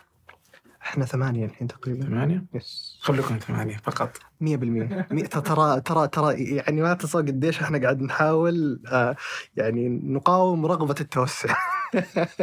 لأنه تحس إنه آه أنا أقدر أصير أسرع بمجرد إني أضيف آه، أحد زيادة. لكن بالاخير آه، تطلع التعقيدات وتطلع التواصل. فريق صغير سريع يتغير بسرعة ويتعدل بسرعة أفضل بكثير من انك طيب ما تتوقع آه، إنك لو سويت آه، تطبيقك في مكان ثاني. يعني لو تشوف آه، نواف يوم سووا مصاريف في الأخير راح سووا سلة.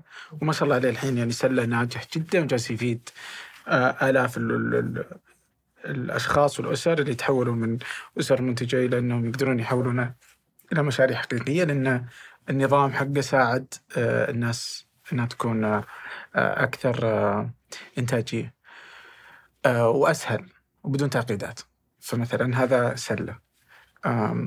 وتقدر تشوف آه، دامك انت حصلت على يعني اليوم في تصريح وال- اللي هو آه، المصرفيه معمل المفتوحة. المص... لا لا لا المصرفيه المفتوحة مثال بس لا قصدي إن البنك المركزي متساهل مع البيئة التجريبية. البيئة التجريبية إنه يفتحونها. ففي يعني مثلا تقدر تشوف آه، مثلا ملاءة ولا تمرة ولا آه شو اسمه عوائد يعني زي 60 شركة وشركة في كل مجال لها علاقة في البنوك. بس إنها آه تدخل فلوس على طول. آه بينما الدراهم أحسها أقل يعني مسألة تحليل البيانات وضبط الدراهم و إيش رأيك أنا جالس محافظ على الدراهم فضبط الفلوس كيف ت- آه، كيف تنصرف وين تنصرف؟ مو بأكثر مكان يدخل فلوس. لك كرائد أعمال. ليش اخترت يعني هل تشوفها خيار سليم؟ هل لو عاد الزمن فيك اخترت مكان ثاني؟ أول شيء يدخل فلوس صراحة شلون يدخل فلوس ده؟ يعني آه، إحنا دائما كم عدد المشتركين؟ أو دائما نسبة المشتركين من المشتركين؟ ترى من أطلاق الاشتراك في دراهم إلى اليوم آه، دراهم آه، top 10 grossing apps في ال App Store فالناس تشترك والناس تبغى يا أخي في في في مستخدم زعل علينا قلنا آسفين هذا اشتراك شهر مجانا قال لا أنا أبغى أشترك لأنك قاعد تحل لي مشكلة ولا فلهالدرجة إحنا عندنا الاشتراكات دائما سمعتها سيئة إنه ما حد بيشترك ما حد بيدفع ما هذا وفعلا على scale مرة كبير. آه لكن حاليا في ناس لكن ترى أنا مو تعليقي إنه الاشتراكات تجيب فلوس بقدر ما إنه إذا سويت تجربة ممتازة آه، تحل مشاكل مالية بتقدر تطلع منها فلوس بشكل مرة كبير. وخليني بقول لك كيف دراهم. تطلع فلوس. في عندنا ثلاث مراحل إحنا دائما نتكلم عنها دراهم المرحلة الأولى نربط مع حساباتك البنكية نعطيك تحليلات صرفياتك وش وش وضعك المالي. المرحلة الثانية الاستثمار التلقائي والتوفير التلقائي اللي هو يعني خلاص عندك أهداف عندك استثمارات نسويها بشكل تلقائي ما يحتاج تدخل شلون معلش شلون تستثمر وين؟ تستثمر في صناديق منخفضة المخاطرة آه، يعني تب...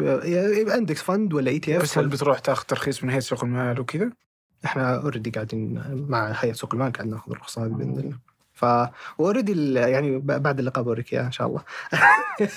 شغال والأمور تمام إن شاء الله وبإذن الله الإطلاق يكون قريب آه، على الموضوع هذا. آه وسويناها على بطريقة دراهم الطريقة السلسة الرهيبة اللي الواحد يعني فهذه المرحلة الثانية اللي إن شاء الله بتطلق قريب. آه، المرحلة الثالثة والأخيرة اللي هي المدفوعات والحوالات. يعني شفنا أنه نوع العمليات اللي يتم في دراهم أكثر من 50% كلها حوالات داخلية. حوالات بين حساباتي حوالات إلى برا فالناس تحول بشكل مرة كبير. أصلا أكثر من 80% من الناس في السعودية عندهم حسابين بنك أو أكثر. فالعملية هذه تتم بشكل مرة كبير. عندك فواتير تدفعها عندك اشتراكات تدفعها. آه، وكلها لازم أروح وأدفعها كل شهر. في مدري أهلي أنا أحول لهم نهاية الشهر فلازم إني أحول ولا إني أنسى ولا فتخيل لو إنه حساباتك كلها في مكان واحد تحول حوالاتك كلها في مكان واحد تدفع فواتيرك كلها في مكان واحد آه وتقدر تدفع من الآب بشكل واحد يعني مكان واحد. هذا هذا الحلم حق دراهم تطبيق مالي رهيب يكون مساعدك الشخصي دائما وابدا. لكن نقدر نقول إحنا والت تمام؟ وسوينا بطاقة. طيب بعدين؟ يعني إيش بعطيك كاش باك بدفع لك فلوس عشان تجيني وبعدين خلاص؟ لا. خلينا نبني القيمة. وش القيمة الناس تبغاها؟ القيمة الناس يا أخي أبغى أبحث أبغى أشوف قهوة أنا رحت لها قبل أسبوع مع واحدة من الأمثلة يعني مثلا في في دراهم كنت أحتاج فاتورة آه، الكهرب عداد الكهرب عندي في البيت. فوش أسرع طريقة بتلاقي الرقم هذا؟ غالبا. ما أدري بدور في البنك حقي القى زي الفواتير كذا. مسجلة عندي. إكزاكتلي. فروح بشكل سريع فرحت بدخل تطبيقي البنك ودخلت بعدين قلت لحظه أنا عندي دراهم هذا اللي بحثت بس كهرب على طول طلع لي الرقم بشكل سريع ومباشر. فقيم زي كذا تبنى بأساسات صحيحة تقدر تسوي عليها تطبيقات كثيرة. بس الحين تبغاني أبحث؟ إيش أكتب مثلا؟ آه، هو الفاتورة تجيك بالاي اس اي السعودي الكتريكال كومباني اس إي لا بقول آه، أبو فاتوره جوالي. ابو رقم فاتوره جوالي. هل سددت؟ هل حطيت؟ سددت. حط إيش أكتب؟ السي سي السي سي أنت؟ أتوقع SCC. الشركة السعوديه لا سي سي طلع لي سي سي باي آه. آه. ما طلعت لك الفاتورة؟ ما طلعت الفاتورة. آه. يمكن ال- بالعربي. التصنيف تقدر تحط بالتصنيف اتصالات شوف إذا طلع لك. آه اتصالات. رهيب. أنا يعجبني التجربة هذا. الحين أوريك. أخي بقول لك أنت البيانات اللي حطيتها ما هي صح. لا يطلع لي لأنه يطلع لي شوف يطلع لي سداد فاتورة. إي اضغط عليه شوف التفاصيل تحت. طلع لك ولا؟ آه. أشوف أي هذه؟ طبعا في الكهرب يطلع لك آه. آه في رقم ال- الكهرب يعني. آه والحين ف- يمكن حقت الفاتورة ما تطلع لكن هذه الفكرة ال- المثالية. المثالية اللي نبغى نسويها. نطلع لك الشعار نطلع لك الرقم نطلع لك الموقع وهذه كلها مع الربط إن شاء الله بتتسهل بشكل مرة كبير. لكن أنا أتكلم عن القيم الصغيرة هذه اللي ال- ال- البحث المشاركة إني أقدر أشوف عملياتي كلها في مكان واحد. الحين أعطيني تطبيق بنكي واحد أقدر أبحث فيه عملياتي باسم المشتري. خلينا نجرب. أنا أثق في الراجحي زين. بس إنه آه، آه، يعني يعني مرة قلتها وأحس إنه يعني الحين مو براعي. فأحس عندي كل الحق إني أقول اللي أبي. ف- الراجحي بيقول افضل تطبيق في العالم أحسه. في افضل تطبيق بنكي موجود حاليا صادق. آه 100% لكن لسه قدامهم مشوار طويل. طبعا ما في شك. بس يعني لأني أستخدم بنوك كثيرة. يعني عندي Chase عندي آه اللي تبي يعني آه أمريكية بنك في أمريكا غيرها. آه فزي كذا. فايش كنا نبغى؟ الحين تبغى تبحث عن عملية؟ ستاربكس ولا تبغى تبحث عن مقهى؟ رحت لي هذا. غالبا بيطلع لك إياها نقاط بيع شراء آه، لا ما في بحث أصلا ما في خانه بحث ولا تحط advance search وتحط بين تاريخ فلاني للتاريخ الفلاني. إيه يعني يطلع لي التواريخ نوع العملية تصنيف العملية صادر وارد. إي بس ما يخليك تبحث بالكلمة يعني. ه- ه- هذا هو. يعني فقيمه زي كذا ابني عليها. إحنا الحين مثلا واحدة من الأشياء اللي نسويها نحاول نتنبأ بمدفوعاتك القادمة. فنحاول نعرف إنه ترى اسمع شهر ستة عندك آه، آه، فاتورة عندك مصاريف العيال عندك الأشياء هذه كلها. فنعطيك أداة تحاول إنها تسهل تسهل يعني أو تعطيك المعلومة اللي توصلها بطريقة أسرع. okay. بعد ما تبني القيمة هذه كلها تبدأ تحط عليها الاستثمار تحط عليها المدفوعات تحط عليها الحوالات تحط عليها الأشياء هذه كلها اللي تجيب لك فلوس. مم. يعني عجيب والله يعني آه، دخلت على التطبيق آه، فلعلها الحين مدخل قديش تقدر البنوك إنها آه، تصعب عليك الوصول للطموح حقك okay فدخلت فيعني يمديك هنا إنه عندهم تحليل بيانات أي. فعنده يعني إلى حد ما فتقدر تق... قال إذا تبغى الميزانية. اضف ميزانية قلت بضيف هذا. تطبيق الراجحي الراجحي. إيه. فقلت فواتير الخدمات فقال مجموع الميزانية آه، هو أعطاني رقم 700 وشيء متوسط مصروفات الفواتير والخدمات هو 752 ريال. طيب. فتقدر تسوي حفظ يعني. خليني أغير ميزانية جديدة أختار الفئة أحس ال- الأكل راح يهاجد خلينا نشوف التسوق. امم فيعطيك يعني كل الفلوس حقتك ترى غير الراجحي الحين كل البنوك قاعد تحاول تسوي ال personal finance management اللي هو إدارة الم- المصارف وأتوقع سي سي بي عندهم يعني بعد صح؟ STC الرياض الأهلي كلهم قاعد يحاولون يحطون آه هذا. وفي اللي أطلق وفي اللي موجود يعني. وقديش يخوفك طيب؟ إنه يعني هنا تحليل المصاريف هذا السي سي بي يعني ما هو أحسن شيء في الحياة. بس يعني فكلهم عندهم البيانات. وأنا already أنا جالس أستخدم آه، ال- ال- التطبيق نفسه ونفس البنك وبطاقتي عندهم. فليش أروح أستخدم خدمة ثانية؟ يعني ليش أطلع من مكان وأروح أتعلم على شيء جديد؟ لطالما ان كل شيء عند آه، نفس البنك اللي أنا أدخل عليه نفس التطبيق اللي أنا أدخل عليه يس. شوف النقطة الأول والأساسية اللي هي جودة التنفيذ وأتوقع هذه إحنا متفقين عليها يعني بالأخير أنه تفرق كيف الخدمة مقدمة من هنا والخدمة مقدمة من هنا الشيء الثاني أكثر من 80% من السعوديين أجين عندهم حسابين بنك أكثر آه ممتاز. تجمعها في. مكان واحد وت... يعني خلاص أعطيك الخدمة هذه في تمام. وغير كذا من وين جبت المعلومة هذه؟ من البنك المركزي ولا؟ لا سوينا إحنا سيرفي على المسحه السعودية وطلعنا بالرقم هذا كله. بس أتوقع يعني الرقم مقارب من هذا. آه إنه 80% فعلا عندهم ال...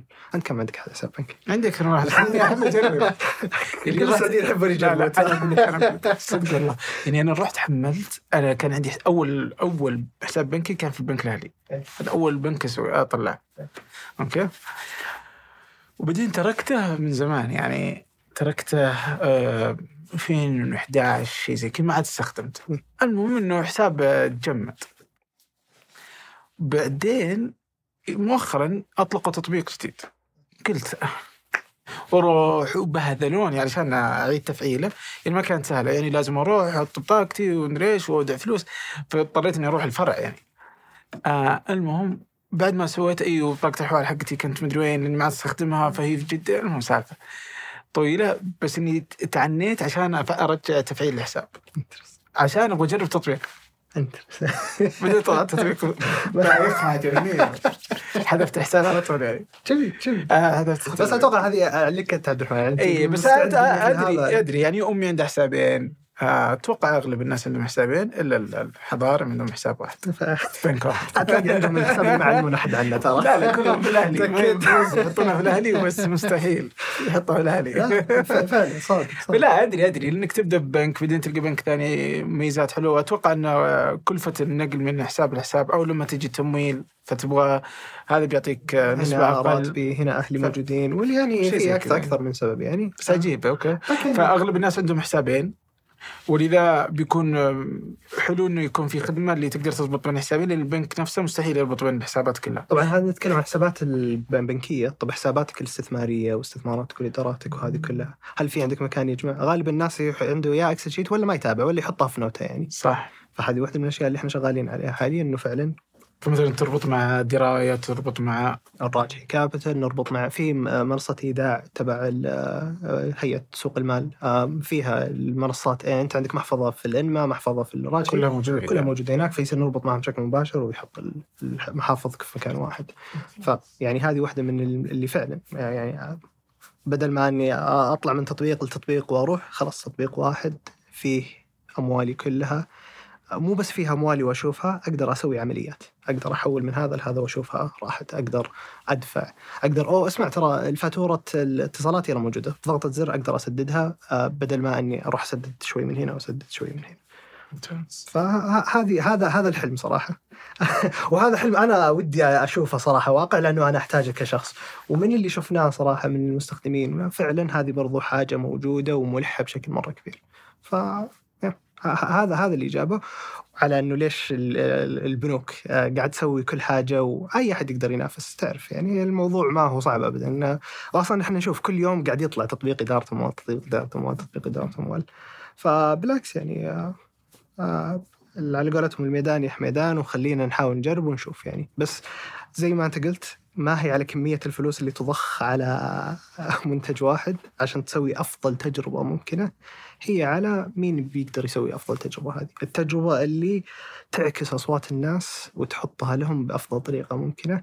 ومو بضرورة أنه أبغى الشيء الفلاني وتحط لي إياه بقدر ما أنه كيف أضيف لك قيمة بشكل مباشر. أنت ليه, ليه, ليه تستخدم تطبيقك البنكي؟ هل لأنك لا، أنا ما احتاج يا أخي بحول طب سرع لي العملية هذه كلها. بكل بساطة. بس أنت بعد ما يعني في البداية في تحليل البيانات عشان كذا بعدين لما تبدا تستثمر فلوسي الزايدة علشان أنا أبغى أدخرها. وشلون أنت بتحل أزمة التحويل؟ آه لا هي يعني مراحل. المرحلة الأولى بحلل. بناء على التحليل هذا بقول لك اسمع في عندك خطة استثمارية تقدر إنك تسويها وأنفذها بشكل تلقائي. والخطوة الأخيرة اللي هي أخليك تدير أموالك كلها من مكان واحد اللي هي أقصد فيها هنا؟ يعني الحين مثلا عندنا في ميزة في الأب اللي هو المدفوعات القادمة. تتنبأ أقول اسمع عندك هذه الفاتورة جاية ترى على نهاية الشهر من فاتورة آه، سبوتيفاي من هذا بدل ما إنه أروح تطبيق البنك ادفعها تدفعها من التطبيق بشكل مباشر. اسمع ترى إحنا لاحظنا إنك تحول للشخص هذا كل شهر بهذا المبلغ. بضغطة زر ننفذ لك الحوالة بدل ما إنك تروح تسويها، تقدر إنك تأتمتها. هذه الفكرة الأساسية إنه خلاص يعني تطبيق عملياتك البنكية تصير من مكان واحد بدل ما إنها تصير من أكثر من مكان. أوكي ممتاز. طيب آه، وشلون بتطلعون فلوس؟ وش آه، نموذج العمل؟ الأول اشتراكات. آه، الميزات تكون يعني ادفانس أكثر. الشيء الثاني من الأموال الاستثمارية في ناخذ نسبة إدارة يسمونها سنوية. والشيء الأخير اللي هو من المدفوعات يصير لما يصير تم مدفوعات عن طريق التطبيق ناخذ نسبة مو من البائع مو من العميل. فهذه الثلاث طرق اللي ندخل فيها دخل طيب ودي أعرف آه، وش فلسفتك في اختيار آه، شركائك؟ اللي يشيل معك يا أخي. اللي يشيل. إيش تقصد شركاء اللي قصدك شغالين معي في الشركة حاليا ولا؟ لا لا شركائك اللي آه، يستثمرون معك. أخاف أزعل يا أخي ناس كثير ولا عادي؟ أوكي. إيش هدفك من الاستثمار عادة؟ عادة الهدف من الاستثمار يكون فلوس. تمام؟ آم، الفلوس هذه بتجي هل في قيمة أنت تبحثها؟ إنه واحد يجي يستثمر يقول أنا بضيف قيمة؟ كثير. كل أحد بيعطيك فلوس يقول أنا بشيل وبدعم وبسوي وقليل جدا جدا اللي يضيف لك القيمة المضافة هذه كلها. وكثير يوعدونها الكل يوعدها. فصراحة من حتى النصائح اللي YC تقول لنا إياها دايم إنه لا تحرص على القيمة اللي المستثمر بيعطيك إياها احرص على الوجع الرأس اللي بيجيك منه. إنه ما يكون كثير. أو بهذه إنه يكون آه، تصوره نفس تصورك متجهين نفس الاتجاه ينبهك على الأشياء اللي أنت متجه عليها بدون ما إنه يحاول يكون عقبه اتجاهك ويحاول إنه يعرقل ولا كل شوي يشكك بالشيء اللي أنت متجه فيه. هذا واحد. آه والشيء الثاني إنه آه، شو اسمه يعني دام انه هذا عقبة قليلة وما في أي آه مخاطرات ولا حاجة تمنع إنه أسوي اتفاقية مع الشخص هذا آه عنده الفلوس اللي أنا أحتاجها. بكل بساطة. بسيط صح؟ ما هو. لا يعني بسيط. يعني هو هو يعني هو يبدو بسيط. بس مثلا آه، أنا ما أحتاج مثلا أنا في ثمانية أخذت ما حد دخل مستثمر فترة طويلة ما حد دخل مستثمر ابدا. آه لأني ما يعني واحد مثلا يمكن ما تحتاج أحيانا لأنك أنت تبغى تنمو بشكل يعني وأنت ما كنت تحتاج صدق. آه فأنت قا- استطعت أنك تبني التطبيق قبل لا حد يدخل. لا الحين ترى عندنا داخلين وقفلنا أكثر من جوله بس ادري. أدري أدري. لا لا لا. بس قصدي أنت ما احتاجتهم عشان تسوي تطبيق. أي تقني يعني بالأخير إيه، إيه. فأنت بنيت التطبيق بالكامل وحصلت على الرخصة من البنك المركزي بدون أي أحد. استثمارات. اي بدون استثمارات. فكان يمديك تكمل بدون. ف... فيعني فاتذكر في ثمانية ما كان عندي هدف إنه أحد يدخل إنه وجع راسه وكيف يقدر يفهم ومو كل الناس تقدر تضيف لك بسهولة زي ما أنت تتوقع. آه وانهم بيضغطون عليك إنك تسوي أشياء أنت يمكن ما تبغاها لأنك تبغى يبغون يحققون عائد آه آه مباشر يعني اموالهم اللي استثمروها آه بينما هدفي هو بعيد المدى. ف فعشان كذا يعني أسألك يعني وش اللي يخليك تدخل تدخل أحد وأنت ما المفترض إنك ما تحتاج أحد؟ تحتاج. يعني تحتاج؟ صح يعني بالأخير أخذ الرخصة ما هي آه، فقط إنه عندك شيء تقني جاهز. هيكلة آه، شركة تكون متوافقة. يعني ترى ميزانية كبيرة جدا ضخمة تضخ فقط على ال- البناء البنية التحتية الصحيحة اللي هي الآمنة على هذا فتحتاج فريق يبني لك الشيء هذا كله. والفريق هذا يحتاج تعطيه رواتب. والرواتب تعرف يعني في السعودية خاصة إذا الفريق كله سعودي آه، تحتاج يعني مبلغ كبير عشان تمشي الرواتب هذه وتمشي الأشياء. فمو إنك ما تحتاج بالعكس تحتاج. كم معدل الصرف الشهري عندكم؟ آه ما هو يعتبر ريت قليل جدا ما هو ريت كبير. أتوقع ستين ألف سبعين ألف دولار. ما هو شيء كبير. الآن الفريق صغير يعتبر ترى. فريق يعتبر صغير وما عندنا صرفيات غير الفريق. بشكل مرة كبير لبناء المنتج يعني. ف... ف... فبكذا أتوقع إنها يعني بيزيد آه، إصراري على إنها ليش تحتاج مستثمرين يعني. ليش أنت شفتهم يعني إنهم مهمين بالنسبة لك؟ يعني بالأخير ال- ال- المصاريف هذه من وين أصرفها؟ يعني أقدر أنه أنا أضخها بشكل مباشر ولا أنه أجيب مستثمرين معي يشاركوني هذا وعادة المستثمر لما يكون موجود واسمه معك برضه هذا يضيف لك آه، نوع من الموثوقية إن أنت شركه مستثمر فيها وال- وقاعد تمشي تجاه يعني بس انت في الأخير آه، برضو انت تخدم الأفراد فما تخدم الشركات فالموثوقية يحتاجونها في أن التطبيق يكون جيد وأنت تقدر تحصل على الموثوقية هذه.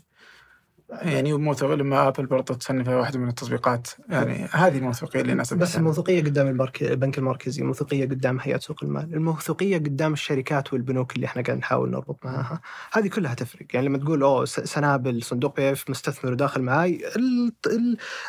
جدا يكون فرق التواصل عن لما إنه أوه أنا. جايك وأنا startup ويلا أبغى اكمل يعني.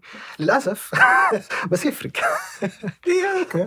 طيب وش اللي خلاك تاخذ آه، تخلي YC يدخلوا معك؟ أو ليش أنت انضممت إليهم؟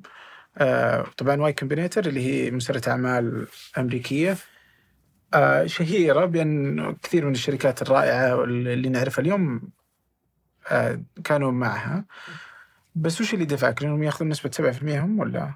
يأخذون نسبة 7% مقابل 500 ألف ريال آه د- دولار يعني تقريبا مليونين مليون و... آم، دائما أفكر بمشكلة إدارة الأموال ما هي مشكلة محلية فقط هي مشكلة عالمية و- ودخول مستثمر زي YC يعطيك ال... ال... أو شيء الموثوقية هذه إنه المشكلة اللي أنت قاعد تحلها مشكلة موجودة مشكلة عالمية ما هي مشكلة محلية فقط. آه ويفتح لك أبواب عجيبة صراحة. مثل؟ مثل يعني واحد واحد من ال ال ال ال الشركاء اللي كانوا معانا في YC نتكلم معاهم بشكل مستمر توم اللي هو المؤسس آه، حق Monzo. Monzo أول digital bank في بريطانيا. فخبرة الرجال يعني مر في اللي مرينا فيه بشكل مرة كبير. فلما يجي واحد خابص الموضوع هذا كله وتتكلم معاه بشكل 1 to 1 يفرق يفرق مرة كثير.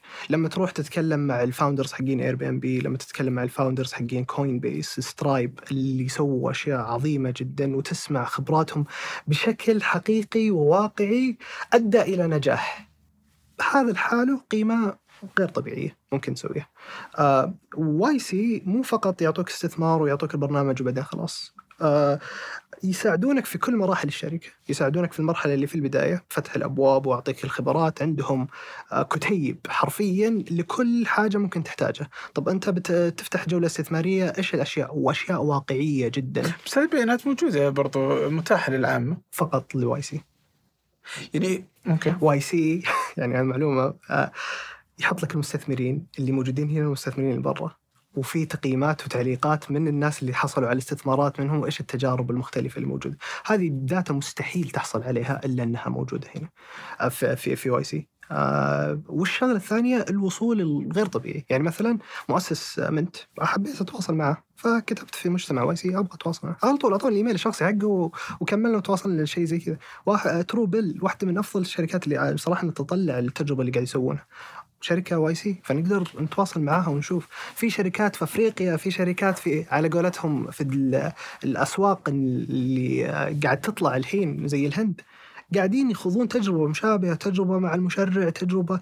فإنك تاخذ التجارب هذه كلها تختصر عليك آه مشاوير كثير. فهذا كان السبب صراحة. وغير كذا YC ما قد دخلت في السعودية يعني. فإنه إحنا نكون المدخل الأول ل YC في السعودية هذا شيء يفرح. مو لنا إحنا شخصيا يفرح برضو لل... للمنظومة بشكل عام.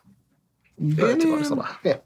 بفهمك بس يعني أحيانا يعني بس هي التساؤلات يعني وش اللي يخليني أخليهم آه، يدخلون آه لأني أقدر أشوف تجارب ثانية مي يعني ما أدت إلى نتائج جيدة نعم. وخصوصا إنهم كانوا دخلوا معاهم في في في أوقات كانوا يختارون عدد شركات قليل. بس في الدفعة اللي أنتم دخلتوا فيها هي أول سنة الظاهر يقبلون 250 شركة. العادهم يقبلون 10 15 لا لا. إحنا أول مرة يقلصون العدد 50% تقريبا. يعني في وقت كورونا يوم صار ريموت قبلوا حول 400 تقريبا. آه إحنا أول سنة العدد يتقلص بشكل مرة كبير. اي بس إنها لا تزال ان عددهم ضخمه جدا. عكس ما كانوا أول يسوونه في اللي كانوا يسوونه أول إنهم يختارون بس شركات محدودة جدا ويشرف عليها تلقى سام ولا يعني تلقى ناس مرة يعني خلاص إحنا كذا لحالنا نقدر نشتغل عليها بس الحين لما يكبرونها هل بيبقى نفس الأداء حق والأشياء اللي أنت تقدر تحصل عليها من YC ولا لا؟ هذا السؤال. فهو تحدي فيخليني آه، لا فعلا فعلا ويعني تحدي آه، أتوقع الواي سي وشركات واي سي اللي الحين موجودة في YC أنه آه. كيف إنها تثبت الشيء هذا وأتوقع ترى في أكثر من شركة وصلت المرحلة المليارية دخلت في الأعداد الكبيرة هذه وقدرت تطلع. آه وبهيكلة YC الجديد صاروا يخلونها مجموعات وكل مجموعة يكون فيها واحد من ال founders حقين ال YC الأساسيين. مثلا إحنا المجموعة حقتنا كان دالتون. ولسه فيه التركيز. يعني ما هم 200 و200 كل أحد شغال عليهم. لا ترى ينقسمون مجموعات ومجموعات تكون عدد قليل جدا وتشتغل مع ال partner بشكل مرة طيب آه، ودي ارجع للي خلاك أصلا تبدأ دراهم. آه من قبل دراهم في أقواس بس هل أنت اشتغلت في أي وظيفة؟ في فترة لأن أقواس جزء من الأشياء اللي أسس يعني بعد ثاني سنة في أقواس آه طلعت اشتغلت دوام جزئي في أقواس ورحت البنك الفرنسي. آه. والله يقولون في أزمة ربع العمر. صحيح. كنت أحلها صراحة. كم قعدت؟ آه سنة. سنة؟ إيه. آه هو شوف آه تخرجت من الجامعة وبديت أقواس على طول. إيه. رفضت العروض وقلت خلاص بكمل وأقواس كل حاجة بس جتني فترة آه يعني حرب شغل غير طبيعي من الصبح لليل آه لدرجة بدأت تجيني تساؤلات. يا أخي هل اتخذت القرار الصحيح؟ هل الشيء اللي قاعد أسويه في قوس هو الشيء اللي أنا أبغى أسويه ولا لا؟ ما جربت أشتغل في أي مكان ثاني. فأذكر جت فرصة من البنك المركزي آه برنامج حق آه cyber security okay شيء challenging يختارون عدد قليل من الناس يودونهم بريطانيا وأمريكا يأخذون شهادات وبعدين يروحون يشتغلون آه، في بنك ولا حاجة زي كذا. فأنا كنت مهتم في الدورة هذه. قلت okay فترة إني أقعد أفكر وأشوف أمور. فصل الدورة هذه قالوا اسمعوا لازم تشتغلون. أول كان العمل ما هو اختياري. فبرضه كان أنسحب ولا ما أنسحب قلت أسمع خلني أجرب. آه، الحكة هذه أشيلها يعني اتليست إنه. فرحت البنك الفرنسي. كان المفروض إني أقعد سنتين بس مديري الله يعطيه العافية كان متفهم. فبعد السنة هذه قلت اسمع اللي كنت أسويه هو الشيء الصح لا لا لا تجرب تجارب ثانية. آه، إيش اللي خلاك تشوف الوظيفة مو بالشيء اللي أنت تبغى تسويه؟ آه، يعني ما هي ما هي في الوظيفة بحد ذاتها. لكن أتوقع ب بطريقة العمل الريادة. إنه ال- ال- ال- المجال مفتوح بشكل كبير تتخذ قرار وتقدر تنفذ القرار هذا وتشوفه واقع بعينك.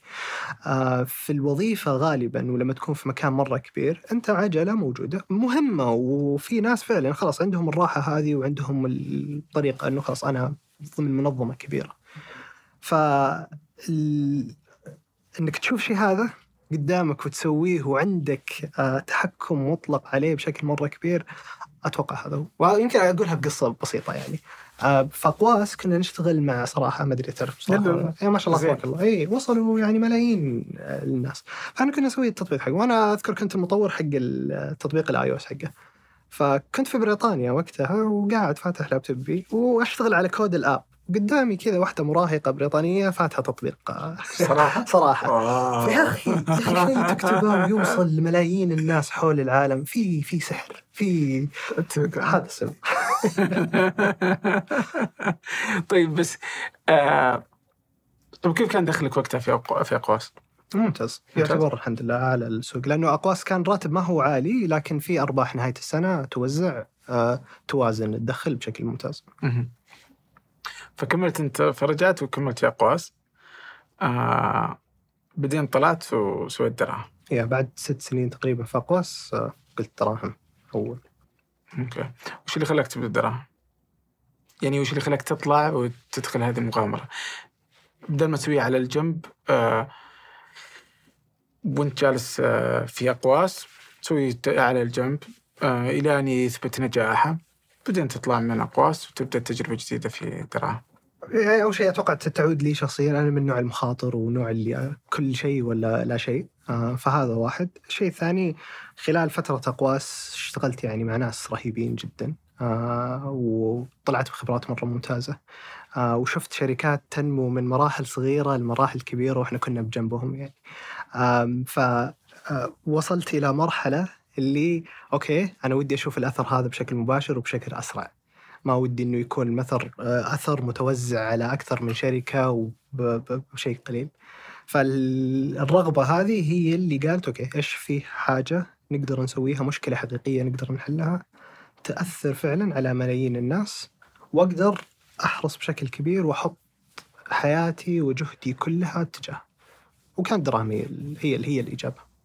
بس أتذكرك يعني ترى يعني إنه دراهم أنت بديت بعدين طنشته وخليته فترة بعدين ترجع له يعني تروح ترجع له. اللي صار كنت هل دراهم يكون ضمن أقواس ولا لا؟ آه هل أقدر أربط مع البنوك ولا لا؟ هذه كلها تساؤلات كانت يعني موجودة. و- وبرضو okay أحب المخاطرة بس آه يعني في مخاطرة ال- اللي على غير سنة عرفت كيف؟ طب okay رحت طلعت وقلت يلا بروح أربط مع البنوك، البنوك كلهم قالوا لا. طيب بعدين إيش بسوي؟ الفكرة كلها متأسسة إنه أقدر أربط ربط مباشر. آه فكان في فت- فترة التقييم فت- فترة إن نتكلم مع ناس فترة إن نتكلم مع بنوك نتكلم مع الجهات اللي ممكن تساعد لما تقول نتكلم من تقصد؟ آه أنا وشريكي آه ياسر. ياسر؟ آه أي وكان معنا بس ياسر دخل معك من البداية؟ ياسر كان موجود ك- ياسر كان مع- معي في وطلعنا مم. الهب. آه و و- يعني نتكلم مع الناس ونشوف فيوم شفنا إنه البنك العربي قال أوكي يلا بنربط يوم شفنا إنه المصرفية المفتوحة طبعا فكرة دراهم كانت قبل بداية المصرفية المفتوحة كانت تطبخ من نهاية 2020 ديسمبر تقريبا وعلى بداية 21 طلعت المصرفيه المفتوحة وكانت هي العلامة اللي يحتاجها إنه okay فعلا الأمور ماشية بشكل مرة كويس. لكن هل بتخلص بسنة؟ هل بتخلص بسنتين؟ الواحد ما كان يدري. آه فيوم بدأ التجاوب من البنوك. يوم ال- المشكلة صارت تمسني بشكل شخصي من كثرة ال- ال- المقابلات مع الأشخاص ولا المستخدمين الم- المحتملين يعني. اكتشفنا إنه okay وصلنا لمرحلة اللي يلا. آه، آه، دقت ساعة العمل على قولتهم خلينا نطلع full time أنا بخاطر في الموضوع و... وش لما تقول المخاطرة وش المخاطرة اللي سويتها؟ بطلع من وظيفتي في أقواس لأنه أعتبر وظيفة okay أنا مالك ولكن بطلع وخلاص يصير راتبي يجي من دراهم ما يجي من آه كم هو أقواس. الراتب أخذته من دراهم؟ ما كان كثير أتوقع كان 8000 شيء يعني عادي بس إنه يمشي. بعدين رفعته ثاني مرة ورفعته الحين. ما تعلم أحد. ما بعلم أحد. كان في أقواس؟ كان في أقواس آه يعني شوف زي ودي أشوف النزله يعني آه 20 20 ما كان برضو كثير في أقواس. آه، أقواس كنا ارباح هي اللي تم... يعني من- آه طبعا 20 يعتبر كويس بس إنه آه، يعني مقارنة بالسوق والعروض لا يعتبر شيء بالسوق آه، يعتبر أقل. بس آه، بس أنت برضه تملك الشركة وتوزعون أرباح. فهذه تختلف. آه اي لأن إيش اللي يصير؟ إيه، أتوقع ما أدري يمكن اني أنا آه آه يعني آه متطرف في الرأي. لكن آه يعني سالفة إنك تسوي شيء على الجنب ما أحس إني مقتنع فيها. ولا يمديك تسوي شركة وانت تسويها على الجنب. و... وأتوقع إنه ما يمدي أتوقع إن ريادي الأعمال ما ينتظر إنك أنت تقول ولا إني أقول ولا إنه يحضر دورة في منشآت تقول اطلع ولا قعد هو بيسويها لأنه خلق يعني أتوقع يمكن فيصل خميس أتوقع فيصل خميس يقول السواليف. آه إن رائد الأعمال يخلق رائد أعمال. مو بشيء يتعلمه. ما ينتظر أحد يعلمه ولا يقول له متى تطلع. ولا جمع راتب سنتين حطه في البنك عندك وتأكد إنه ما أدري شلون عشان تسوي آه، آه، شركتك تبدا تطلع. فعلا آه. ف... مخاطرة عالية بالأخير يعني على قولتك الواحد إذا ما كان عنده قناعة داخلية ما في أي محفز ممكن تحطه يخلي هذا يعني الحين حتى في برامج حكومية كثير تضمن جزء من الراتب تعطيك بدلات تعطيك- الاستثمارات موجودة في كل مكان بس إذا ما كانت القناعة موجودة والإيمان إنه الشيء هذا تقدر تهم على قولتك. واتوقع ريادي الاعمال ريادي الأعمال خ- ناشب فيها للأسف يعني ما وانس إنه يبدأ ويجرب وها ما عاد يقدر. اي يعني ولا ولا أحد بيرده ولا أحد بيقنع انه يدخل. آه هو يسويها لأنه يبغى يسويها. آه أنت ما كنت آه أول دخول لك في مجال المصرفية البنكية مع الدراهم مع دراهم. في مشروع اشتغلت فيه قبل؟ آه يعني أنا يعني له علاقة بال آه، بالمكان المالي؟ آه، في المكان المالي لا. يعني هي اشتغلت في البنك بس كان على ودي اعرف قديش آه، معقد. يعني مثلا من الأشياء اللي آه، فرقها مثلا عن برا مثلا آه، مثلا المصرفيه المفتوحه إنه إحنا مثلا البنك البنك المركزي بي بي بيشرحها وبيبدأ تنفيذها قريب وإنه أغلب الدول ما عندها. مثلا هذه تعتبر فرق. آه بس تاخذ مثلا فرق إني أنا أبغى أسحب البيانات. تلقى في أمريكا عشان أنا بسحب البيانات بيكلفني مثلا 5 دولار يعني قل 20 ريال. بينما هنا كل عملية سحب تكلفك تقريبا 150 ريال. آه فتخلي العملية مي بسهلة. زي كذا. ودي أعرف شو الفروقات اللي بينه وبينهم وش الأماكن اللي فيها. يعني ودي أفهم ذا السوق أكثر. وين الأماكن المعقدة يعني؟ يعني هو هو انك تمدح واجد فابغاك تجيب أنا أمدح. وائل، ترى أنا أنا متفائل. واتوقع دائما آه، عندي مشكلة مع اللي أشتغل معاهم كثير إنه أبسط الأمور دائما أخلي كل شيء سهل وممكن وهذه طبيعه فيني يعني. آه لكن آه فعلا فعلا الموضوع أسهل مما تتوقع. هو الأصعب صراحة آه إنه عمليات آه عادية. وخ- إيه. لك من جانب تقني. ما هو من جانب آه، تشريعي ولا هو من جانب إيه. المجال. آه إنه عمليات عادة المفروض تكون أسهل. إنه خلاص يا أخي في عاده يقول authorization كأنه الواحد يسجل دخول واخذ تصريح ياخذ الب- البيانات حقته. لكن في المجال المالي لا الموضوع معقد بشكل مرة أكثر. إنه لازم يكون عندك شهادة ولازم البنك يكون عنده شهادة. لازم يكون في تصريح لل IP اللي طالع من عندك ولازم يكون في آه، موجود في system البنك. فالتعقيدات هذه على شيء في ال software المفروض يتسوى بطريقة أسهل. هنا التحدي. وانك كيف تسويها بطريقة آه، ما يأثر على تجربة المستخدم. لأنه في متطلبات كثير لازم. لازم إنك تتحقق من هويته في أبشر. لازم إنه يكون عندك إجراءات أمن تتطلب إنه ما يكون في تضحية في في في في خصوصية ولا أمن بيانات المستخدم. هذه أصعب حاجة إنك تنفذها بطريقة فعلا تعطي راحة نفسية للمستخدم وبطريقة ما تأثر على تجربة المستخدم. وتشيز أتوقع انت شايفها في تطبيقات البنوك يعني أشياء كثيرة ما هي منهم بقدر ما أنها تشريعات عليهم إنه لازم يسوون الإجراءات هذه، لازم يحطون العقبات هذه قدام. فكيف توافق بين الاثنين؟ كيف تسوي تجربة خرافية وكيف إنك تكون يعني موافق للتشريعات وبطريقة كويسه؟ هذا أصعب شيء. والله يعني أنا أحيانا بتفق معك واحيانا والله لا انها تزعلني. إيه. أوكي؟ جد والله. يعني مثلا يزعلني كيف أحيانا إن البنك المركزي يمكن أو إن البنوك أنا ما أدري ترى يعني الحين اتكلم ولا أدري مين المسؤول عن الموضوع. بس إنه ينظر إليك بنظرة أبوية. والله أحيانا إن البنوك اللي تتدخل. ف واحيانا البنك المركزي بس يعني آه فمثلا إني أبغى أحول فلوسي إلى منصة آه منصة تداول آه مثلا آه أمريكية أوكي؟ ولا حتى في الإمارات مثلا. لأن عجبتني ولا, ولا عندهم رسوم أقل ولا عندهم ميزة ما موجودة في في ال- في المحلية أو لأي سبب. لا يقول لا والله ما ننصح فيها. سم يا خالي يعني صدق والله. فيقول لا والله ممنوع إنك تحول لها طيب ليش ممنوع يحول لها يعني ودي أفهم يعني فاهم؟ فيتدخل إنه ممنوع تحول لها أو حتى مثلا الكريبتو البيتكوين وغيره يعني يعني أفهم إنه في دور إني أنا أبغى أحافظ أفهمه مرة وأفهم إنه مرة معقد. إن عندي دور أنا كحكومة إني أبغى أضمن إنه ما تصير عمليات احتيال ما تصير عمليات نصب ما ال- الناس تروح مع فقاعة. عندي توقع إنها مخاطرتها عالية جدا زي لما ما يسمحون بال- بال- بالتداول إلا لما في مثلا سوق نمو ولا في بعض الأماكن اللي يكون عندك شهادات معينة عشان فيها مخاطرة عالية فيجب إنك تكون عندك معرفة عالية. فأفهم هذا النوع بس الموازنة فيها والله مرة صعبة، ليش؟ طيب okay أنا عندي حس المخاطرة عالي. ودي أنا أبغى أشتري بيتكوين يلا أبغى أشتري بيتكوين. خلي إيه يجيك يقول لا والله كل عملية تسويها ممنوعة، أتوقع كل عملية ممنوعة، فأنا انقهر يعني أحس إنها تستفزني هذه الحركات. عن- عندي فرضية عن الموضوع إنه البنك المركزي عندهم ساما cares تمام؟ الرقم اللي تتصل عليه هم هدفهم ما حد يكلمنا. لا حد يعطينا أي مشكلة وتشز يعني هذا هدف شريف وفعلا يعني. بس يا أخي صعب. صعب. يعني لمرحلة معينة تق- تقول إنه أوكي طيب يا أخي على قولتك العميل أنا بعطيه تنبيهات وبسويه.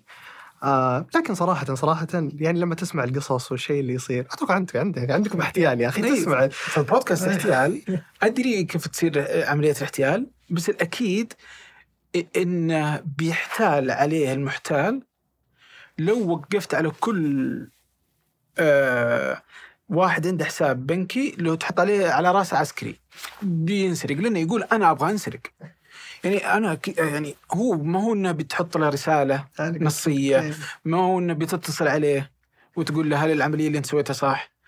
يعني يعني آه، هو بينسرق بينسرق. هو يبغى هو يتوقع إن هذا الشخص بيعطيني فلوس. فأنا أبغى أعطيه فلوسي يعني أنا يمديني أروح أسحبها من البنك وأروح أعطيه إياها كاش حتى. دائما يقول لك في الأمن السيبراني يعني و- وش أضعف رابط؟ لا هو التقنية ولا هو الواجهة ولا هو الإنسان. في أي مكان في أي وظيفة الإنسان هو أضعف رابط موجود. فأكثر استثمار تقدر تسويه انه توعي الإنسان هذا. فدائما اختبارات الاختراقات ترى اللي تصير واللي يلزمونك فيها تصير إنه أعطي يعني بيجي واحد يختبر اختبار اختراق عندك. آه، أعطيه ال username وال password خليه يدخل وخلينا نشوف وش الضرر اللي يقدر يحققه. لأنه لاحظ إنه هو داخل داخل. إذا واحد يبغى يدخل بيقدر يدخل بطريقة أو بأخرى لأنه بيتحايل على شخص ولا بالهذا. لكن قديش إنك تقدر تقلل الضرر اللي إذا دخل.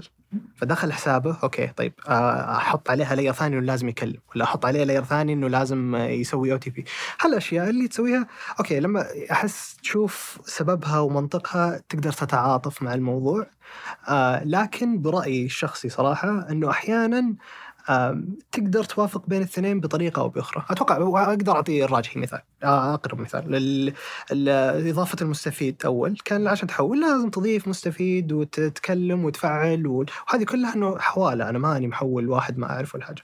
بس حلوها بطريقة إنه okay جزء كبير من الحوالات أقل من 2500 فهذا المبالغ عادة العادية ف okay بس حواله لمرة واحدة ويكون ب cap معين ويصير على طول. OTP بدون ما اضيف مستفيد بدون ما اضيف حاجة. هذا حل رائع جدا لتجربة مستخدمة ما أثر في الأمان ولا أثر في هذا. فأتوقع نحتاج ناس أكثر يفكرون من هالناحية. يعني عندنا لأنه دائما في التطرف إنه آه أبغى كل شيء يكون آمن ما همني التجربة. عمرها ما صارت أحسن شيء في الحياة. بس الفلوس لا تنسرق which is تقدر تقول إن هذه الأولوية. الأولوية الفلوس ما تروح ولا ما يصير فيها أي تضحية. صحيح. آه لكن هذا منسي بزيادة. تجربة المستخدم منسي بزيادة ودك ترفع إيه، شوية لا والله إيه، يعني. طيب يعني اي وأحيانا ممكن البنك ياخذ مخاطرة. في انه يتعامل مع مبالغ بسيطة مثلا أو إذا العميل هو تقييمه للعميل بعد. آه فإذا كبير في السن مفترض يمديك يعني يمديك انت أصلا برضو تستخدم الذكاء الاصطناعي في تخيل العمليات اللي تصير ففي نمط ترى لل- لل- للسرقة يعني لما يكون عمره فوق الستين فجأة يضيف مستفيد غريب بعدين يبدأ يحول مبالغ صغيرة حتى لو أخذت أنت مبالغ صغيرة. فيمديك انت تصير بنمط وتقفض إنه هذا جالس يعني تتم عليه عملية احتيال أو غيره. آه بس بس يعني فاحيانا التشريعات تقهر يعني. مية بالمية. مية بالمية. وغير كذا دائما لازم تكون على قولتهم proactive دائما بتتغير دائما المحتوى بيتغير. ما في يعني قد ما نحاول نبسط الموضوع إنه خلاص في أنماط حط عليه ذكاء اصطناعي وحاول تتعرف هو بيحل جزء معين بس مهما كان دائما بيفاجئك. دائما آه، ذكرتني في talk آه، حقين مونزو برضه سووه في YC آه، اسمه ال talk how to defraud bank كيف تحتال على البنك. فمن تجاربهم اللي الناس احتالوا عليهم يا رجل أشياء ما تفكر فيها صراحة. واحد يضيف بطاقة بعدين يضيفها مرة ثانية بعدين يسحب بعدين يحول من البطاقة هذه بعدين فجأة أوه حصل على الفلوس بطريقة غير شرعية. يعني فعلا فعلا لكن أتوقع الشيء اللي هو شهية المشرع ولا شهية الشركة للمخاطرة. تمام؟ لو تقول لي أوكي هذه القصص سرقت فلوس فلوس كثير وتتم بشكل يومي لهذا لكن مقارنة بالأشياء اللي تمام وأمورها ماشية كم؟ 1% أقل من 1% نص ولا حاجة طب مقارنها هذا ال 1% الضرر كم الاقتصاد اللي زاد وكم النفع اللي زاد هل هذا يساوي مقدار تضحية هذا ولا لا؟ لأنه لو قللت بتقلل ال- الاقتصاد صح؟ صح. ناس ما تقدر تحول ناس ما تقدر هذا فت... فهنا الموازنة اللي. أحس إنه يعني لو قدرنا نوسعها أكثر بيكون أفضل أتفق معك هذا تماما يعني وكيف إنه أحيانا المشرع ينظر ب إن هذه مستهدفات عنده إنه يجب إنه يحمي الناس وما عنده أي اهتمام أو إنها أولوية ما هي ضمن أولويات انه تكون تجربة العميل مهمة ولا لا لأن أنا أبغى أحمي الناس وبس. ولا عندي هم إنه يطلعون فلوس زيادة ولا لا لأني أنا هذا دوري. بس برضو هذا دوره فأحس كيف التوازن ما بين الثنتين؟ هذا دوره إنه يبغى تجربة ممتازة لأن أحيانا ممكن أنا ودي أقدم أفضل تجربة بس المشرع يرفض إني يعني التشريعات تمنعني من إني أقدر أقدم التجربة. فعلا فعلا. وهذا أصعب تحدي أصعب تحدي و... وفعلا يعني يحتاج شغل كبير كبير عليه وأتوقع عشان كذا صار في هيئة تجربة العميل اللي موجودة حاليا؟ اي الهيئة الرقمية واحدة من آه، أول مبادرات حقتها تجربة العميل تحسينها بشكل عام يعني. في اهتمام قاعد يصير والله قدامهم طريق طويل يعني.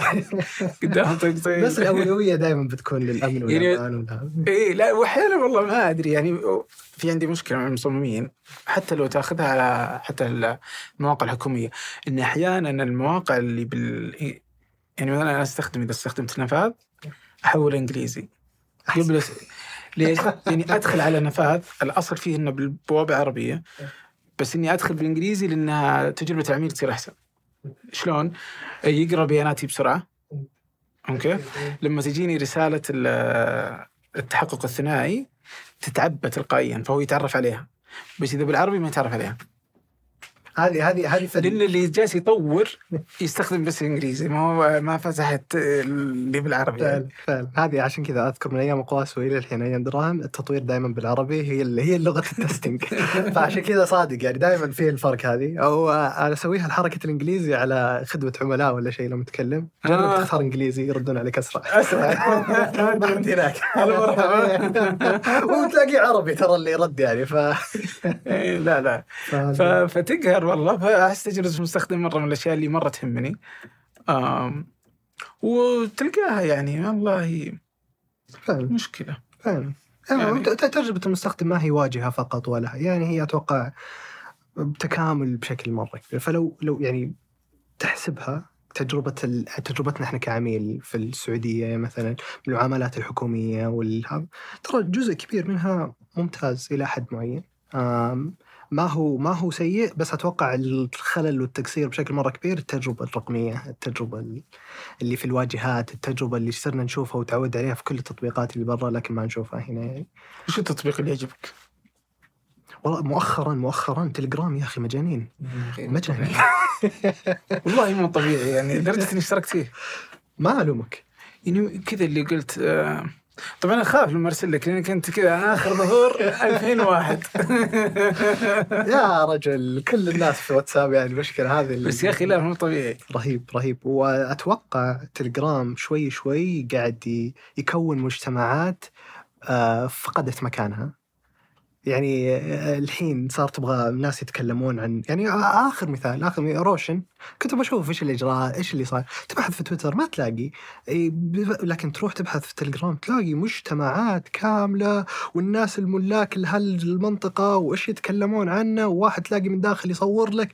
فصار كأنه منتدى بس منتدى على شكل يعني استخدام رائع جدا وأحسه فعلا فعلا لما يقول اورجانيك يعني كذا الناس لقت مكانها هناك بدأت تكون مجتمعات بطريقة رهيبة ويعني قاعد تحل مشكله فعلا فعلا فتلجرام صراحة إيه، شكلي. شكلي ببدأ أستخدمه زياده إيه،. أعيد النظر عليه. إي لا لا رائع والله. طيب وش اسوء التطبيق؟ ادوق لطيف لا لا آه، أسوأ تطبيق أسوأ تطبيق. يعني المشكلة أستخدمه بشكل دائم يعني يعني تطبيقات البنوك بلا شك. تطبيقات؟ البنوك بلا شك. الإنما آه هو الأساسي.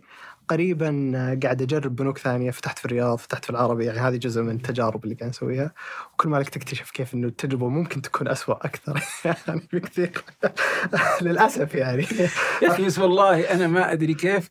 يا أخي ما أحس والله مدحي له غير مبرر يعني. الراجحي يا أخي ما هو طبيعي كيف رائع. فعلا فعلا. ويعني فعلا يعني بالأخير هذا هو الراجحي الناس قاعد تستخدمه وقاعد يحط فيه ميزات بشكل غير طبيعي لأنه أتوقع بدت أصوات الناس تعلى شوي. إنه التجربه مهمة تجربة مهمة تجربة مهمة. لكن كل التطبيقات اللي حد آه، يعني معين كانت كلها تطبيقات ويب موجودة بشكل هذا وكلهم نسخ طبق الأصل. هذا يوريك قديش أثر المشرع على هذا. كلهم تلاقي حاط نفس التقسيمة نفس الميزات نفس الموجود لأنه جاية من المشرع بشكل مرة كبير. فتطبيقات البنوك أحس حتى مع الراجحي وكيف إنه واصل الحين لسه قدامهم مشوار طويل طويل طويل جدا إنه يخلونه تطبيق بنكي يليق باقتصاد السعودية صراحة. لين الحين ما وصل لهالمرحلة. فبس كفو شغالين يعني. يلا لا لا كفو. وأنتم اللي نعول عليهم والله. يعني مثل دراهم و... وغيرها هي اللي أحس إنها تنقذنا. يعني أنا مثلا دراية يعقدني. واضح إنه مصمم آه لحقين البنوك. فحقين البنوك يقدرون يفهمون. كذا يعني مرة مرة مرة معقد يعني كذا أصفر أخضر أخضر أحمر أصفر. يعني أنا ما إيش درى أهلي وش معنى هذه. المعلومات؟ ما أعرفها. لازم تشتغل عشان والله يعني واضح إنها تنفع لشاشة موظف بنك. وفي الأخير أنا بس أبغى أشتري سهم يعني.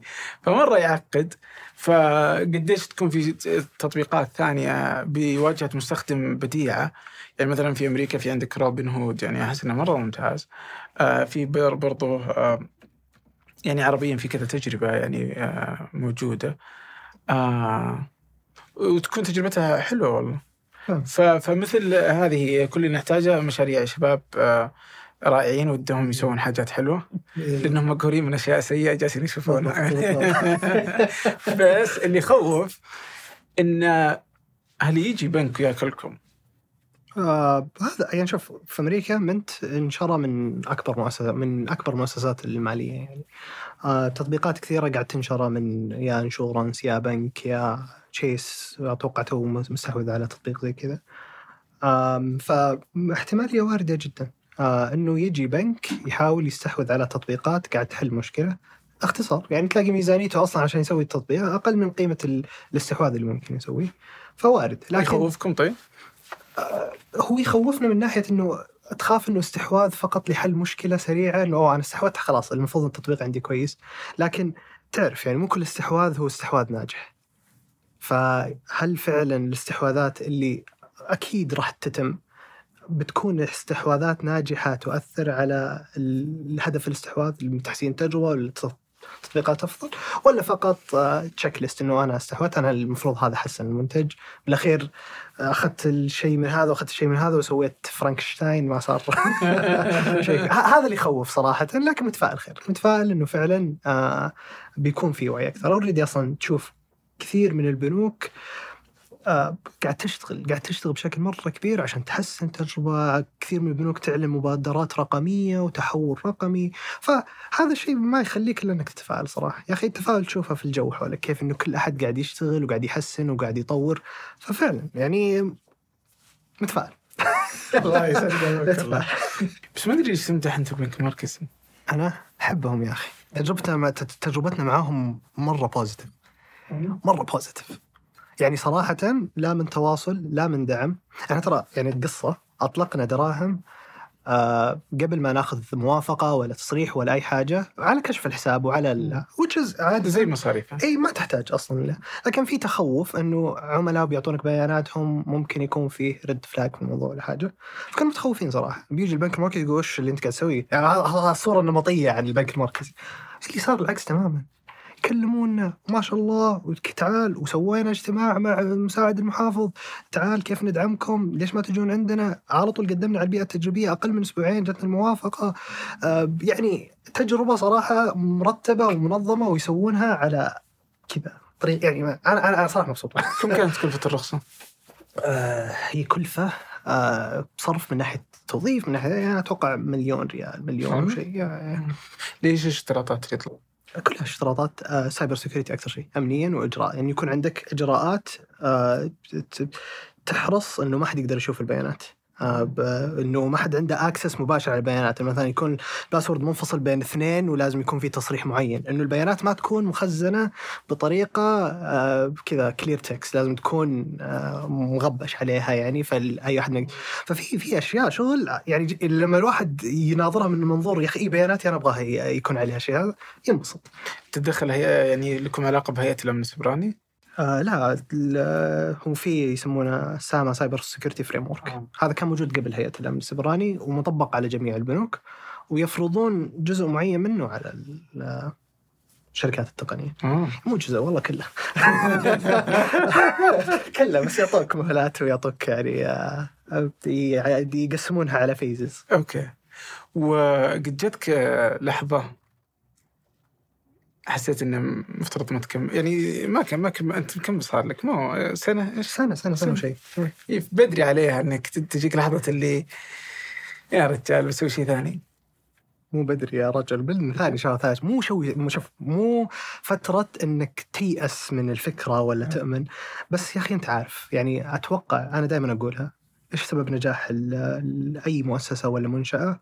الإصرار persistence بكل بساطة كل أحد يجيه فترة الخفسه هذه اللي هل أنا قاعد أسوي شيء كويس؟ هل الناس يبغونه؟ هل يعني كذا عرفت كيف؟ ال... كل كل أو مين بس اللي يتعدى الخفسه ذي ويروح للنطة اللي بعدها بكل بساطة وجدتك خفسه بعد شهرين؟ اي للحين يعني. اي literally عرفت كيف يجي مثلا ما تجيك الموافقة اللي أنت تبغاها. أوه.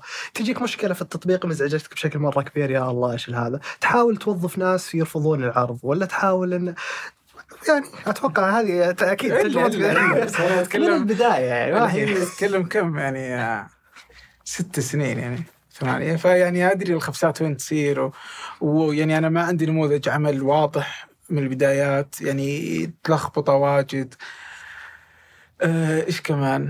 يعني المحتوى مرة صعب ترى يعني مو بزي الفلوس. يعني أنت صح على الأقل عندك مشرع تقدر يعني بيعطيك ورقة تمشي عليها بالحرف وحياتك تصير سليمة. صح. ما في عندي مشرع يعطيني وش يبغى بالحرف عشان أمشي. المشكلة إذا المشرع لسه قاعد يكتشف إيش يبغى وقاعد يكتشف معاه عرفت كيف؟ كل شوي يتغير وتعدل وتبدل. هذه جزء. بس صادق يعني لكن أنا ترى مو على ال business بحد ذاته. يعني أتوقع في أشياء آه، كذا common في كل ال... كل الشركات تمام؟ اللي هي التوظيف الاستثمارات الصرف التوجه الاستراتيجية. هل إحنا قاعد نسوي شيء بشكل صحيح ولا قاعد نسوي شيء؟ أحس كل أحد مهما علا ونزل عنده الفكرة هذه يا أخي. هل أنا قاعد أسوي شيء بشكل صحيح ولا لا؟ هل أنا قاعد يعني أو يعني مو كل أحد يمكن هذا ش... باعتقادي التصرف الصحيح. إنك دائما تتأكد إنه القرارات اللي قاعد تطلع ولا الخطوات اللي قاعد تتخذها آه تتأكد منها. مو إنك تفترض إنه هذا الشيء صح وتمشي فهذا أحيانا يتعب يا أخي. يتعب خصوصا إنك قاعد تسوي شيء يعتبر جديد نوعا ما ما هو يعني جديد بالبيئة اللي أنت موجود فيها. فأشياء كثيرة لازم تجربها تعدلها. يعني واحدة من أبسط الأمثلة. هل كان المفروض ننتظر لين ما الربط كان موجود ولا نطلق برسائل؟ يعني زي ما تقول التجربة ما هي أحسن شيء في الحياة. قاعد تحل في لفئة معينة. بس لا طب هل هل كان المفروض يعني ما تتصور قديش كان في نقاش كبير على الموضوع؟ من ناحية استراتيجية ومن ناحية هذا نسوي شيء. اللي حل الموضوع طبعا جاء واحد مستثمر الله يعطيه العافية. قال اسمع ما حد درى عنك ترى. ما حد درى عنك. اي ليترلي أطلق واستخدم وخبص وجرب وبعدين ترى هذا. يعني مثلا جاك 100000 مستخدم 200000 مستخدم. السعودية فيها 35 مليون يعني والعالم فيه 8 مليار يعني. ف إيش اسوء شيء ممكن يصير؟ فهذه الفكرة حررتك شوي. بس تجيك تجيك الترددات هذه يا أخي. هي اللي تخليك تشك وتخليك تشوف هذا أوكي يعني أتوقع إنك بس تتعداها وتتأكد إنه يعني ابسط شيء زي ما قلت توظيفات إنه هل لا التوظيف مو سهل والله. يعني خصوصا حتى أنت في مجالكم. يعني مجالنا صعب جدا بس يعني أتوقع إنه ما يزيد ما يقل صعوبة في ال... صادق الناس الكويسة دائما تتعنى عشان تجيبها يعني ف هذه جزء من التحديات اللي فعلا يا أخي ما تدري يعني. آه ف يجبرونكم أنكم تعطونها في التخزين السحابيكم في السعودية؟ أي هذه واحدة من التحديات يعني. ف 100% ويعني تجيك واحد من المشاكل تخزين سحابي ما هو جاهز كله لسه مانيوال. يعني برا تجي تسجل وتفتح حساب وخلاص بياناتك كلها صارت موجودة. لكن هنا لازم تقدم طلب و proposal وبعدين يسووا لك allocation في أتوقع اثنين اللي هم Oracle وواحد ثاني يعطيك إنه كذا. تسجل بدون ما تكلم أحد وتفتح لك. بس وصلنا مرحلة ضغط استخدام إلى نحاول نزود مساحة نحاول نزود ذا. يقول لك خلاص ما في. physically ما في ما ما يكفي. طيب أوكي. تنقل على مزود ثاني yes واو. امازون ما فتحت في السعودية لسه؟ امازون لسه ما فتحت في السعودية. أم... جوجل بتفتح في ارامكو الظاهر أتوقع. آه في علي بابا. علي بابا الحين قاعد نجربه. ما هو سيء. شغال. ال CC مشغولين مع الحكومات والشركات الكبيرة يعني فما في عاد الشركات الثانية. okay. ف يا. لا لا والله الله يعينكم والله. بس يا أخي التطبيق رائع والله. الله يعطيك. يعني أحس إني أعرف لمساتك في تطبيق. الله يعطيك لا لا والله يعني- الفريق يعني ما تتصور قديش. أتوقع كل أحد شغال الحين معانا. ترى عندنا اجتماع أسبوعي حرفيا. آه كل يقول إيش الأفكار وإيش اللي استخدم وإيش الشيء اللي طلع فيه. كل أسبوع واحد مننا يكلف إنه يكلم عملاء بشكل مباشر يفهم المشاكل اللي موجودة. الأفكار تسمع يعني فكرة ال shortcut ما هي فكرتي ترى. فكرة واحد من الشباب حطها بعدين جاء واحد زاد عليها واحد أنا ودي أكتب عنها هذه قصة صراحة كيف إنها صارت. كذا تسلسل thread في سلاك واحد آه لين أوه okay فجأة طلع عندنا منتج يعني. ف الفريق لما يكون متحمس وكله على نفس التوجه يا أخي اي لا لا يعني والله فكرة ممتازة. آه يعني بس إنها تقهر لأنها أحيانا ما تشتغل.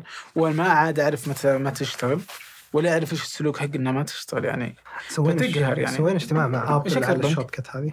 على ال shortcut نفسها. انه أحيانا تشتغل أحيانا ما تشتغل. إيش المشكلة؟ وإيش المسؤولية وليش ما يخلونها تلقائية؟ يعني أنا مت... يعني أنا ترى أستخدمها أنا استخدم يعني كلها إنه ما في شيء تلقائي أسحب الرسائل لازم ال user يوافق على كل واحدة. هذا ال automation فإحنا أرسلنا لهم قلنا هذا ال case حقنا يا آبل وش رأيكم تعدلونه؟ فما تدري يمكن في مؤتمر مطورين ثاني يقول ما عاد يفرق معك أنت خلاص يعني ما تحتاجها على قولتك. مفترض إنك تلغيها أتوقع. آه 100% البنوك اللي ندعم فيها الربط مباشر ما تلاقي فيها الخيار هذا. إيش قلت أنت أكثر بنك؟ وش هو أكثر بنك؟ اللي بنك اللي الناس عندهم بنك تقدر تعرفه. بالراحه والله؟ اي آه. ترى كنت أتوقع الانماء لأن أحس إني أغلب المواليد 95 إلى 2000 كلهم انماء أتوقع إن هذه الشريحة الانماء ما أدري شلون أستهدفهم بالغلط. الراجحي الراجحي الراجحي الراجحي الراجحي مع ال CC. يعني تلاقي إحنا سوينا كورليشنز إيش أكثر حسابات مسجلة عندنا. الراجحي مع السي سي بي. وتش ترى يعود لنقطتك إنه طيب. الراجحي قاعد يسوي في تطبيقه. ليش أروح دراهم؟ صدق يعني ليش كل عملاء الراجحي هذول موجودين عندنا؟ دام إنه اوريدي التطبيق يوفر لهم ال... ما أدري والله يمكن لنا معقدة في الراجحي ترى. أحس يمكن مثالي الراجحي إنه ينزل تطبيق ثاني. أوه. جديد بدون كل اي اسمه. أحمد علي. نيو. يعني شيء جديد. ويصير يربط ويمديه يربط حتى مع البنوك الثانية ما تفرق معاه يعني.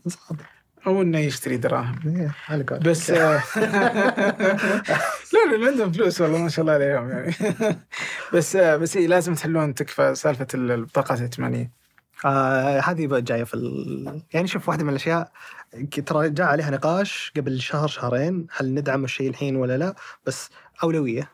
إنه بعدين بس بندعمها بندعمها لا لا أو لو إنك خليتها لي بال minus إني أقدر أحط أنا بال... بال minus. إيه. لانك تراك تمنعني إني أحط. بالناقص آه جربت اي شوف في ال keyboard ما نطلعها أصلا فواحدة من التعديلات بتكون flow بس جاني بال... إني أقدر أحط الحساب بال... بالناقص. تضبط. بس المشكلة في يعني على قولت في تفاصيل أكثر في ال credit. إيه. إنه كم المساحة وما ودك الرصيد يطلع غلط فودك تعطي خيارات. يعني ودك لما تدعمها تدعمها صح يا أخي. ف إيه لا لا عادي إني آخذ وقت صدق. أبد ما في شيء مستعجل. آه، شغال. الناس تستخدمون كل اللي البطاقات الائتمانيه بلعنة. لاني دمجتها ما عاد صرت أنا خليت كل البطاقات الائتمانيه مع الراجحي. فخليته ما عاد يفرق. الراجحي رصيد حقه خطأ. ما عاد أعرف وش هو يعني.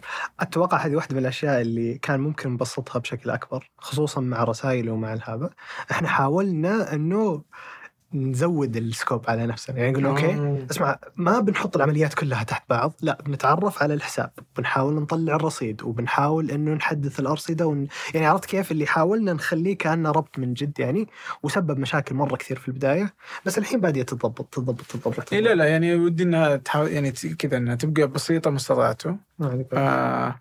في التحديث الجديد بننزل cash account فيصير ما تبغى تتح... تستخدم ال- هذا تبغى بس عمليات تقدر تسويها آه. بطريقة أسهل وهذا برضو من فيدباك الناس يعني إنه خلي وتجهيزا للربط المباشر يصير خلاص عندك الكاش تبغى تخليه تبغى تحذف البيانات بكيفك تبغى تدمج بينه وبينه برضو بكيفك يعني ف نسلك دعوة إن شاء الله أول ما الراجحي يصير يعطونا ابد. بإذن باذن الله اول أول تستر بإذن الله وميزه الاستثمار أقدر ارسلك اياها الحين جرب جرب؟ فلوس حقيقيه وتشوف كيف هذا. yes رهيبة رهيبة كفو والله كفو كفو والله. لا لا بعد راسي أنت. آه ومتى تدعمون ال- ال- الداكن؟ إيش الداكن؟ ال dark mode. أوه أبشر أبشر. يعني حسيت إنها تلقائيه يعني جالس أدور. صح. هذه هذه هذه هذه هذه شيء تعتب علينا فيه. يعني بس اجين كلها أولويات يا أخي. ترى لو تلاحظ إحنا اي أو اس بس وفريق صغير مرة قاعد نحاول نركز على منصة. في منافس لكم؟ في كثير. مين؟ آه يعني أنت ذكرت الشباب في ملاءه يسوون نفس اللي قاعد نسويه. والله؟ يس آه، أما وفير مصاريف بس مصاريف خلاص أتوقع بشكل هذا. في شباب مدخر في شباب آه، شو اسمه يعني أكثر من يعني مثمر يعني في كلهم قاعد نتقاطع بأشكال كثيرة في البداية. لكن آه، يعني على تواصل مع الشباب ونتكلم والهذا فاي الوضع يعني آه، كلنا في- على قولتهم بنفس ال- البوت. وبالأخير أتوقع كل أحد بيلقى طريقة بطريقه معينة. ففي في في في منافسه وفي يعني في ناس بت- بتطيح في ناس بتكبر في ناس بيروحون تندمج، تندمج تتساوى. يعني. آه. ابد الله يوفقكم والله.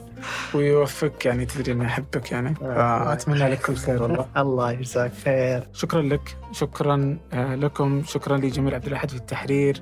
وعبد الله الصحيباني في التصوير وعبد الوهاب محمد في آه، إدارة آه، التصوير ومجد القرشي في تصميم المكان وساعد في الإنتاج أصيل بافرط وعبد العزيز المزي وضياء التونسي في الهندسة الصوتية.